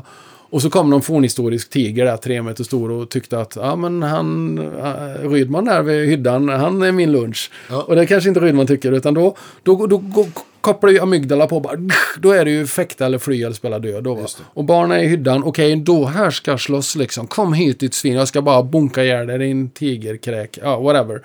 Och, och så vidare. Det är därför vi har överlevt då va. Kruxet är att den är inte uppgraderad nu. Så vi har samma reaktionskraft i huvudet fast vi har inte den kontexten. Den farobilden finns inte längre. Men om vi trycker på de knapparna då, som Trump, vi och dem, rädsla, det väller in immigranter. Absolut. Och det, IS har smugglat in folk här. Så IS har alltså skickat folk till Sydamerika och de går omkring med sina bälten, alla de här hundratals milen eller vad det är, tusentals mil, jag har ingen aning. För att, alltså det är, så dum, det är så dumt som man blir gråtfärdig. men om du upprepar någonting så kommer flocken säga, jo men vänta det här känns igen, det här känns tryggt. Och man vågar inte utmana ledaren då va. Nej. Och jag, Ja, men han har ju lyckats för, för, om det var två år sedan det var nog senast i, ja ett och ett halvt, två år sedan. Senast jag var i, i, men i södra USA. Så, så frågade någon så här på allvar, ja men hur är det med IS och i, i Sverige och så här och. Ja, det är helt Hon bara, magiskt. va? Ja men är inte det ett stort problem med terrorattacker i hela Europa? Bara, Precis. Vad snackar du om? Så Nej. han har ju liksom, Nej. det där har han ju lyckats. Men är det inte lite med. fascinerande? Om vi tittar på siffrorna. Jag gillar ju fakta. Det är ju en sån här skitbra grej. Alltså Mm. riktig fakta då som är verifierad. Inte är det någon som hittar på. Om vi ska vara rädda för att dö då va. Då har vi människor som är otroligt rädda för terrorbrott. Vågar jag åka dit? Och hur är det i Bryssel? Och, ja, så här, okej. och då tänker jag så här. Hur många dör i arbete på sina arbetsplatser varje Mm. dag i Sverige? Alltså det är fruktansvärt många. Fruktansvärt många. Men ändå går vi till jobbet. Mm. Men det är inte lyft så. Men vi är rädda för terrorbrott. Och det är självklart det är fruktansvärt terrorbrott. Alltså det, jag vet inte. alltså det gör ont i mitt hjärta. För jag älskar Sverige. Jag älskar Sverige. Jag älskar jämlikhet, våran mångfald. Vi är ett smart land. Och, och jag älskar, jag tycker vi ska bli lite som vikingarna. Inte de som våldtog och slog då, men vikingarna åkte ut i världen och tog med sig andra kulturer. En Jag del... Sjögren framför mig. En, en del... Ah, oh. Men, äh, äh, äh, men, Jag alltså, förstår inte varför. Men en del har ju förvanskat detta totalt och, och som kallar sig så kallade Sverigevänner. Det är bara vidrigt. Vi, vi, vi behöver... Vi är, vi är en uppfinnande nation. Hallå? Vi är fantastiska. Men vi behöver folk. Jag, jag såg någon siffra på att inom typ tre år så behövs det typ 50 till 70 000 techjobb bara i Stockholmsområdet. Ja, jag menar, vi, vi får knulla något ruskigt och ungarna får, vi får proppa i dem saker så de blir 25 år på tre år. Ursäkta ordvalet, men det är bara dumt. Vi behöver hjälpas åt då. va. Och grejen är, tittar du i idrott, tittar du i musik, det är svårt att vara rasistisk liksom. Ja, jag är rasist. Ja, men Freddie King, ja, han gillar jag. Ja, Men jag blundar när han spelar för han är ju färgad. Alltså det blir bara dumt. Ja. Det blir bara finsamt liksom. Men, men någonstans så, så, det handlar om rädsla och alla beslut vi tar landar i två jag försöker identifiera min egen reaktion, för jag är ansvarig för den. När någon säger något till mig eller kommer någonting så tänker jag så här. Vad är landa? Vad, nu ska jag ta ett beslut. Och alla beslut vi tar är, går genom känslolivet. Punkt slut. Alla beslut. Alla omedvetna beslut, alla, med, alla du tar varje dag, hela tiden. Är det rädsla eller är det kärlek? Och när jag känner rädsla så känner jag upp, någon försöker styra mig. Och det går bort. Punkan i mig bara gallskriker bara. Sen skiter jag om det är någon religiös Har, ledare. har, har du något exempel sådär när du har känt rädsla eller när du kom på? Ja. Eh, jag vet jag var 15 år och var på någon musikgrej eh, i Vårgårda. Det var en kristen musikfestival. Och, och det var ju så att mina föräldrar har ju ingen som helst religiös koppling. De skickade mig på en konfaläger när jag var 14 år. Eh, och där fick jag höra att prästen då, han var ju skön, han tog upp min duke där. För jag tänkte nu ska jag riva stället liksom. Nu ska vi ta med elgitarren och bara, vilka idioter liksom. Så tar han upp min, han var gammal raggare och han har varit heroinist och grejer. Så han, tog, han genomskådade mig på en sekund. Så han tog upp gitarren och bara, ah, schysst elgura. Är det okej om jag lånar den i kyrkan? Och Hasse Karlsson, 13 år där, hade inte alla flingor i paketet. Jag bara, ah, wow, häftigt. Men just att det stämde inte min vanföreställning. Så att någonstans fick jag höra om Gud och Gud älskar mig. Och det, det gillar jag, att jag fick vara den jag. Jag kände, jag hade inte det med mig så. Så där, där blev jag kristen på något vis. Eh, och det föl, den tryggheten följde med mig i livet. Och då var jag på någon, någon, någon eh, sån grej. Eh, Eh, jag- gissar på att detta är 83 eller någonting kanske. Jag, jag vet inte. Och då, då kom den här, någon snubbe upp som hette Ulf Ekman och började prata. Och då kände jag den stor, ja, kände jag stora klumpen i magen. Och varför känner jag så här, sa min hjärna då. Det här stämmer ju inte. i min värld så var ju Jesus en punkare som, som slog etablissemanget på näsan och där de som man inte ens tittade åt prostituerades vidare, de var trygga med honom. Jag gillar den grejen då va. Idag ser jag mig inte som kristen. Jag, jag ser i den här eh, världsbilden som, som formuleras är det alldeles för mycket gubbar i fula hattar som bestämmer över vad kvinnor ska göra med sina kroppar och så vidare. Det är för mig oacceptabelt. Jag har inte den synen längre, men, men, men allas lika värde och fine liksom. Alltså, jag, jag brukar säga till folk som är religiösa så, älskar Gud villkorslöst? Ja, okej. Okay. Då får du sätta dig och riva ut alla sidorna där det är villkor då va. För det är ju människorna som har satt villkoren. Ja, men ska du vara kristen eller ska du vara muslim så måste du göra så, så, så, så. Ja, men det är ju människor som hittar på villkor. Jag kan ju inte älska mina barn mer än Gud älskar mig, för jag älskar mina barn villkorslöst. Rånar de en bank så älskar jag mina barn. Jag älskar inte det de gjort. Jag får hälsa på dem i fängelset. Men jag älskar dem villkorslöst. Absolut. Men, men, men, men det då vet då fick jag en klump i magen. Mm. Och när jag hör politiker idag, och, och vi, vi hör ju, vi behöver inte nämna, det handlar inte om ett parti, det finns flera partier som med rädsla. Mm. Som, som, och då gillar jag inte, det är dåligt. Då, då, då vill ni bara ha makt, för säger ni så här att, ja men okej. Sen är det ju så här att allting handlar om okunskap. Det är så många människor som sitter på små restauranger och i bilar och de vet precis hur Sverige ska skötas. Och då tänker jag, tänk jag, jag är ett litet företag. Jag börjar tänka på när Sverige spelar match, hur många, hur många bra tränare det finns där ute. ja, de säger i Brasilien att de har lika många förbundskaptener som, som invånare. Liksom. Ja. Men, men det är ju så många vet, ja men det är bara att göra så. Nej, det är inte det. Ta mitt företag, jag har ett jättelitet företag, det är bara jag. Det är massa saker. Det, nu sköter inte jag Bo, jag kan inte räkna. Jag, jag har Anneli då, min ekonomitjej, hon är ju bäst i hela världen. Jag mm. säger till hennes man, din fru är den viktigaste kvinnan i mitt liv. Utan henne så har jag inget företag. Ja men det är så, hon sköter allting. Eh, så. Men bara med mitt lilla företag så är det många parametrar. Mycket att förhålla sig till. Och det är avdrag och det funkar så och så. Det här är rätt och det är fel. Mm. Tänk då ett land. Men då är det väldigt lätt att måla upp det som där. Och jag säger också när jag var över i USA så fick jag höra så här. Ja, men är det inte så hemskt att ni har Ryssland så nära och kommunismen och ni är ju kommunister. Jag bara stopp. Så otroligt eh, disrespectful liksom. Mm. Att, att säga, jag är uppvuxen i en period där Sovjet var en fantastisk, eller inte men en fantastiskt stor nation, en hemsk för mig. Mm. Vi var ju rädda när jag var liten, tänk om ryssarna kommer. Ja, Alla som var, skulle göra värnplikten, de fick ju gräva gropar för ryssen kommer. Det var alltid ryssen vi skulle vara rädda för. Och, och det är väl så fortfarande? Ja, ja, säkert. Och, men ryssarna... Om ryssarna vill ta Sverige så kommer det inte springa massa gubbar i skogen med bössor. Du tar ju nätvägen som de gör nu. Trollfabrikerna, ja, de styr oss redan. Alltså på jättemycket. Det, det är ju så man funkar. Får man bara få ta ett exempel ja. här, bara för lite fakta då. Så. FOA gjorde någon grej här. Eh, det finns en grupp som heter Stå upp för Sverige. Jag är själv givetvis inte medlem där. De skärmdumparna har sett att det här är inga människor med studieskulder. Det är så dumt som man mår illa. Nej, men min åsikt. ja, men alltså, ja. det, var, det, det brann ju lite i Sverige förra sommaren. Så, va? Ja. Och då var det några som lanserade en idé. Jag har sett skärmdumparna och följt detta lite då.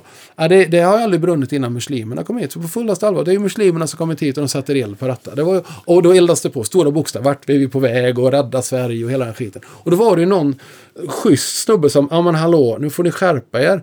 Eh, ja men det brinner inte i andra länder. Eh, Google anyone? alltså Grekland hade den här fruktansvärda branden där människor dog här på stranden. Alltså vidrigt. Finland, alltså, det brinner. Kalifornien. Så. Men det vi fokuserar på, det växer.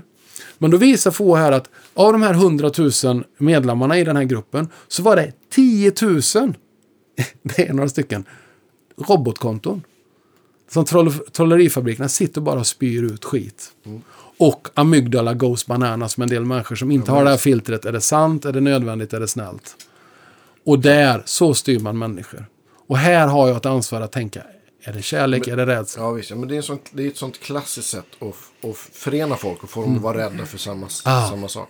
Jajamän, det är perfekt. Och tyvärr, så, som någon sa till mig, du skulle bli den perfekta sektledaren Hasse. Jag blev sådär.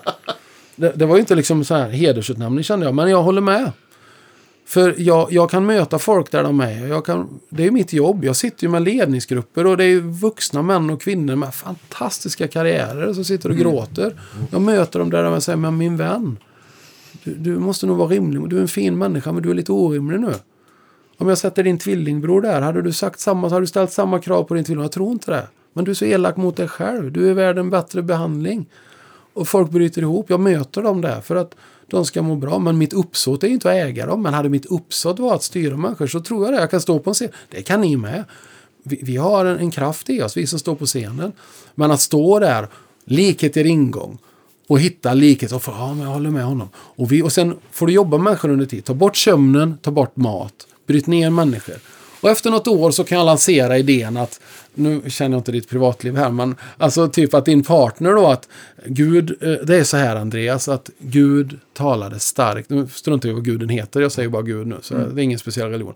Andreas, Gud hade en otroligt stark dröm till mig i natt. Och du var med i den.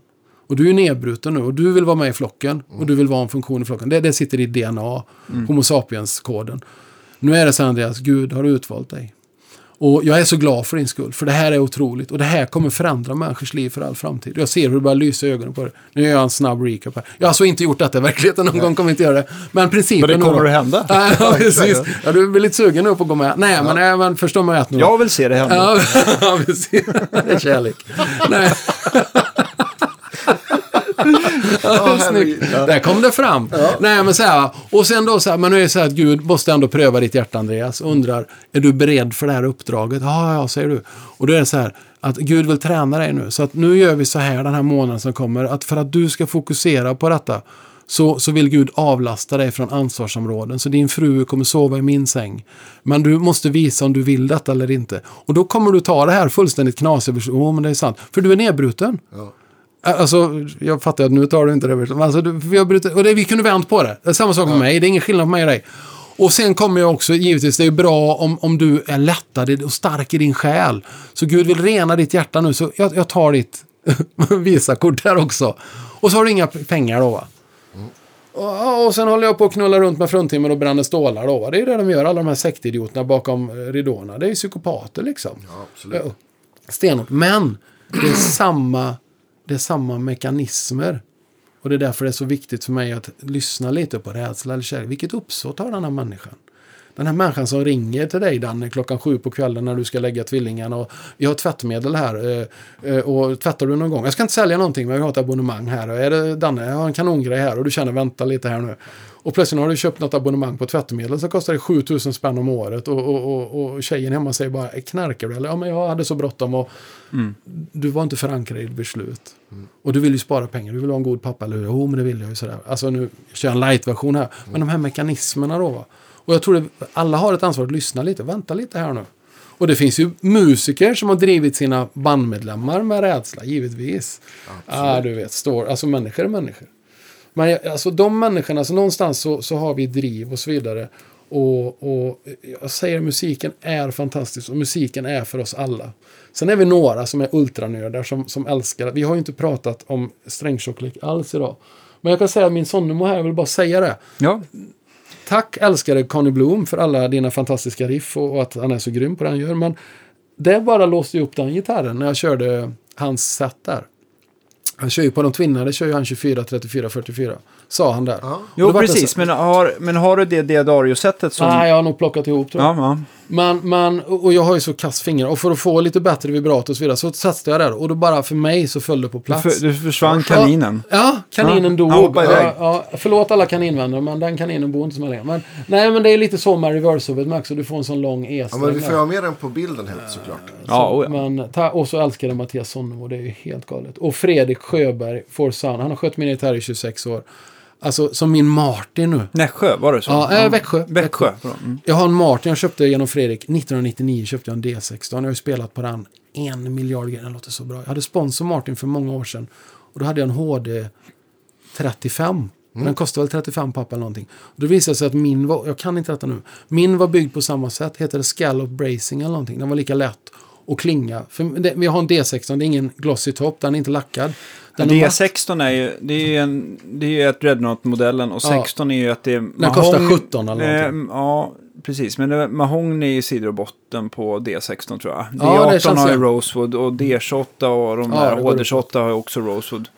Men jag tror att D16 är, är Just det. är men den, den är ju bara sådär, det visade sig att den var ju lika lätt och den klingar ju lika bra trots att det var en billig. Men så såg jag på min gitarr att den hade ju Diamonds and Squares-inlägg då. Och det började, då forskade jag lite, rätta mig om jag har fel nu. Då, då hade Martin lanserat detta 1898. Så min är ju byggd 98 så det är någon liten jubileumsgrej. Ja, alltså inte värd en massa pengar, men det var en speciell gitarr i alla fall. Jag har alltid vårdat De hade den lyxat till den lite, för Ja, D16 är så. ganska... Det är, Ja, men super basic. Ja. Men så den har lite så abborre-grejer och, och så låter den så bra. Jag har haft den på hur många inspelningar som helst och polarna har lånat den i alla studios. Men nu då för några veckor sedan så ser jag bara, den stod bakom mig och jag hade lagt den, så ser jag bara, vänta lite här nu. Och se varför det var en lampa. Har den spruckit? Har locket spruckit? Nej, jag blir så, alltså kolla här, mina barn kommer ju på plats 1 till 5 000. Men om materiella ting. Och jag blir ju bara, nej, vad är, det ju inte sant. För jag, jag trodde jag hade lite koll på den fuktigheten. Nej, då har det varit för torrt för länge så här. Och ringer ju Fredrik då. Helt knäckt. Det är lugnt Hasse, det ordnar vi, inga problem. Alltså jag blir bara... Så här, ja, nu får du ha den här och lägga den här svarta pluppen där i nu. Ska jag vattna den en gång i veckan då till augusti. Och nu har det ju spruckit precis i den fogen och på locket så det, det är... Av allt Ja. dåligt så är det det bästa av det dåliga har jag förstått då. Så fixar han det då. Men nu är vi där igen. Bra människor omkring sig som hjälper en. Och bra människor kan vara ni. Man får in, inspiration genom en podd. Och för mig, alltså nu sitter han och Conny säger det och så vidare. Och så lägger jag på en gitarr. Och så blir mitt gitarrspel roligare. Jag fattar mer och jag kan uttrycka mer det jag känner. Alltså det är ju briljans. Det är ju fantastiskt. Jag Vi tror kan- inte ni hade den kan- tanken då. Nej, men äh, ja, fast åt andra sidan, vi vill ju, alltså det, vi, lite med vårt mål är väl att Mm. vi vill att folk ska, alltså att inte folk ska göra samma misstag som oss, eller att de kanske kan Nej, snappa upp precis. någonting som gör att de... Inte alla misstag jag har gjort. Det, det vore ju skönt att lyssna på mig. Så här ska man inte göra. Jag är representant för alla rockstjärnor som inte slått igenom. Våga göra en Rydman. Lägg tre dagar på det du inte kan. Ja. Eller våga göra en Hasse Karlsson. Åk till USA. Var en idiot en vecka. Gör bara sånt du inte kan. Och de bara Men tänker hur, vilket hur, nutcase. för att återgå till, till det, fick du, även om de fick ett, eh, de tyckte du var märklig vid uppropet där, eller första tiden, Ja. liksom fick du, Ja, vad lugnt. tyckte de i slutet av... Ja, men det är lugnt. Jag, jag, eh, alltså grejen är, folk de skannar jag av folk liksom. Och, och jag var ju bara en vanlig basic kille. ja. Så, så de, vi pratade lite marknadsföring och sådär. Åh, jag satt med han. Åh, han är ju under, jag kom på det nu, vad heter han? Åh, han var ju sån super eh, shred-gitarr på 80-talet. Åh, förlåt att jag glömt det nu. Han är ju sam, han är samma kille idag, bandana och hela Vad skiten. spelar han för Eh, gitarr? Elgitarr. Ja, men eh, alltså typ av gitarr. Ja, alltså, förlåt, självklart spelar gitarr. Men, ja, men... Ja, men jag åh. tänkte om det var Ibanez eller Fender nej, eller- Nej, han var nog någon sån uh, Charvel-kille eller någonting. Men, men nej, jag kommer inte ihåg. Men i alla fall, han hade massa, i, i Guitar World hade han massa, eh, ni vet, eh, kyrkotonaterna och Cage och hela skiten. då, va. Men vi satt där och, och, och, och så, så sa jag så här, vänta lite, sa jag så här, för han pratade om sitt liv och det var bökigt och det var mycket och jag kände bara, oh. Alltså, diagnosställaren, ah, vi har ju diagnoser allihopa. Det, det, I min värld så, så alla människor har en briljans och vi har specialbegåvningar.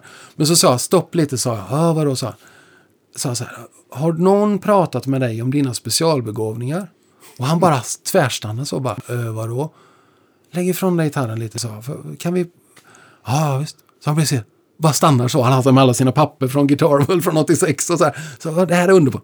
Vi fortsätter strax, men jag blir så nyfiken så här. Har du fått hjälp med all den energi du har i? För jag hörde att det kraschade i livet och nu var det någon brud och så flyttade jag hem hos morsan. Jag bara hörde att fanns in, alltså, har du, förstår du att du har en specialbegåvning? Att det som har drivit dig till en fantastisk karriär och grym musiker också drivit dig i diket ibland. För du har liksom inte kunnat hantera kaliber då. Keep on talking man. Och han bara blev sådär, ett litet barn som lyssnade och så sa jag, jag, har inget, ingen rätt att ta ett tillträde i ditt liv. Jag, jag bara tänker högt med dig. Jag hade ett otroligt fint samtal och han öppnade sig om saker och det stannade mellan oss. Men, men, och då känner jag så här, men älskade människa, alltså han, han är ju några år äldre än mig. Och han kan ha varit 55-56 någonstans. Och fortfarande jagar jobb och håller på och ska hänga med i den nya världen. Och Instagram, hur ska jag göra där? Och Skype-lektioner. Han var ju van med old fashion way här va. Jag sitter på ett ställe, jag är med i Guitar så kommer folk hem och knackar på. Det var ingen som knackar på längre. Men jag sa, du, du, du, har en specialbegåvning. Du, du måste hantera den. Du är en underbar gåva, men alla gåvor väger något. Och du, du, du, du, måste Mm, våga. Ja, men du vet sådär va. Och någonstans så... Vad var det han sa? Jo, han sa så här. This is good man. I'm feeling peaceful. Ja, fint. Och jag kände lite, det var lite bra. gulligt så va. Men nu är vi där igen. Alltså, alla dessa trasiga musiker med som tror att det är något fel på dem. Nej, vi, vi har specialbegåvningar. Vi måste möta oss själva där vi är. Det är inte så avancerat. Jag älskar, jag tar Conny Blom igen. Jag älskar att han, Bob Rock, sitter där och säger, mm, ja, och är så ödmjuk och säger, ja, men det här låter rätt schysst och så är det inte mycket att göra. Och, men ändå har kondomen här, ja, men jag vill att det ska låta så. Att du är så. Sen kan man ju i efterhand, som man sa själv då, att ja, mm, man kanske, Bob Rock kanske skulle säga, hur hade du gjort eller whatever, jag vet inte. Men det där att ändå vara uppfylld av någonting, det är ju fantastiskt. Och så har vi då, du ska inte tro att du är något. Jo, det är klart du är någonting. Du är briljant, du har en special, alla har det. Vilken diagnos har du? Ja, en av alla. Ja, men du vet. Och här tror jag vi måste lyfta människor. Och i musiken så kan vi inte använda de här flaggorna som vi lär oss i skolan. Att du, du stavar rätt och du räknar. För här måste vi axla, för det är för hög musik. Och du, musik är givetvis matematik, men här är det annan kommunikation. Och det är nyttigt. Så det är supernyttigt. Och en del har aldrig fått uppleva det. Det här fantastiska. Det vet Lanin man har stått och lirat och man fattar, det låter inte bra, fattar inte vad det är. Här så åker man hem liksom. Det är gig om två veckor. Och så nästa rep så, så blir det himmelskt. Det är bara, ja då kanske det har höjt två BPM eller ändrat en voicing. Jag har ingen aning, men du har gjort någon liten... Så plötsligt bara så, så allt där. Man bara, wow. Eller för att våra hjärnor är kanske lite mer där den gången. Jag har ingen aning. Ja, men till och med Queen, vet Göran berättade för mig Almqvist, han hade varit på Queen tidigt och de spelade fel och fick börja om och sådär. Men, och så skärpte de till sig och så blev det magi. Eller så. Aretha Franklin och, och Mitt livs kärlek liksom. Har ni lyssnat på hennes outtakes, den skivan, en dubbel? Jag, Hon visste vet inte alltså, jag tycker att hon är helt fantastisk, men hon har ju spelat in så otroligt mycket. så att Galet. det, Men det är några tagningar, hon vet inte att bandan är på. Så hon står bara och sjunger lite. Ja, we're rolling, we're rolling. Oh, sorry I didn't know the tape is on. Och så, så börjar hon sjunga. Så bara, har de tagit, så, så bara tar de bara fem kliv uppåt. Bara en nivå som är helt sjuk. Och där är det liksom. Puff, så bara. Fantastiskt. Liksom. Bara koppla på. Alltså det är ingen slump att en del har blivit världsstjärnor. Det är inte för att de har ett bra manager och så vidare. Det kanske har gjort att de kan bibehålla sin karriär och sådär. Men, men, men det är, alltså Queen när de sjöng, det, deras stämmor, det, det gifter sig. De kämpar med saker. Det finns, om vi tar dem som exempel då. Det, det är ingen slump att Steve Vai är så, så duktig. Eller, alltså ni vet. Sen om man gillar det inte. En annan grej. Nej, precis. Det, det är så. Men att få människor att leva nära sin talang. Jag har tre saker avslutningsvis. Jag ska inte tjata sönder det. Alltså, jag, vad, vad vill jag göra i mitt liv? Jag vill lyfta andra människor. Jag vill göra skillnad. Jag vill göra det med människor jag tycker om. Om någon frågar dig så här, vad, vad jobbar du med? Vad säger du då? Jag lyfter andra människor. Jag försöker göra skillnad. Och jag, gör, jag, människor, jag får människor att samarbeta bättre. Och det börjar med relationen med sig själv. Eh, jag har ju ett, eh, någon annanismen undrar alla så här, att någon annan ska göra det. Nej, jag är ansvarig för mitt liv. Ja. Ja, men du spelar otajt idag. Ja, men det är Dannes fel. För han, eh, när han kör på Orange-toppen så funkar inte vibben för mig. Skyller jag på dig? Ja, men så är det då. Ja, men jag menar, ta Det tag väl- i ditt liv alltså Det måste Karlsson. vara ytterst vanligt. Ja, alltid något annat. Men eh, så tar vi eget ansvar. Ja, men jag är gitarrist. Jag ska- Okej, nästa jag ska vara bättre förberedd nästa vecka. Jag ska läsa på mer. Jag ska plugga mer på den här låten så jag svänger mer. Bra. Så gör vi det bättre. Hela tiden. Så då kan man använda det som ursäkt att man vill köpa en till pedal, att man tar egen ansvar. Ja, det är ett eget ansvar. Allting att köpa en gitarr, det är ett eget ansvar och det är, det är en skyldighet. Det är som en kompis till mig, han säger så här. Glass är inte, vad är det han säger? Vad säger han? Johan säger. Glass är inte en måltid, glass är en plikt. Köpa en ny gitarr, det är en plikt. Ja. Ja, pojkar, var inte meningen att prata Men- bort det. nej, nej, nej, det är så intressant för att det är så annorlunda också tycker jag. Ja, det, okej. det, man, man blir eh, upprymd då.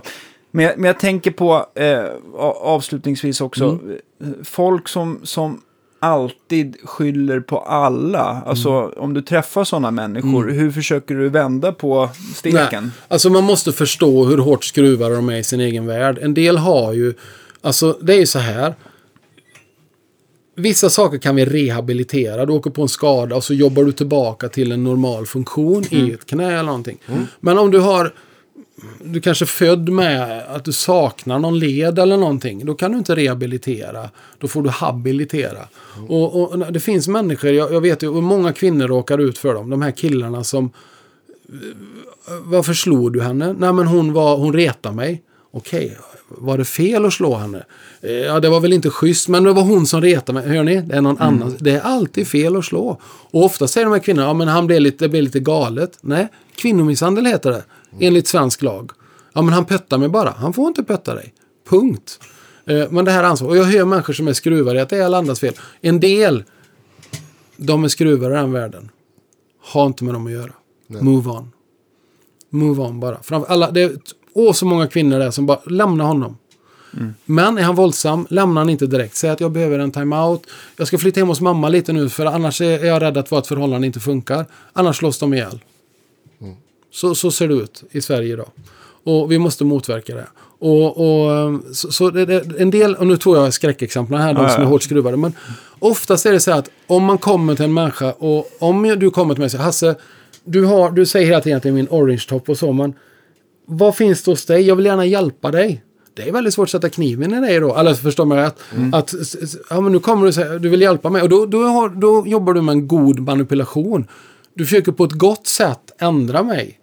Så gjorde jag med, med min äldsta Molly då. Hon är över 20 nu och flyttat hemifrån. När hon var liten, hon skulle inte borsta tänderna. Men då manipulerade jag henne.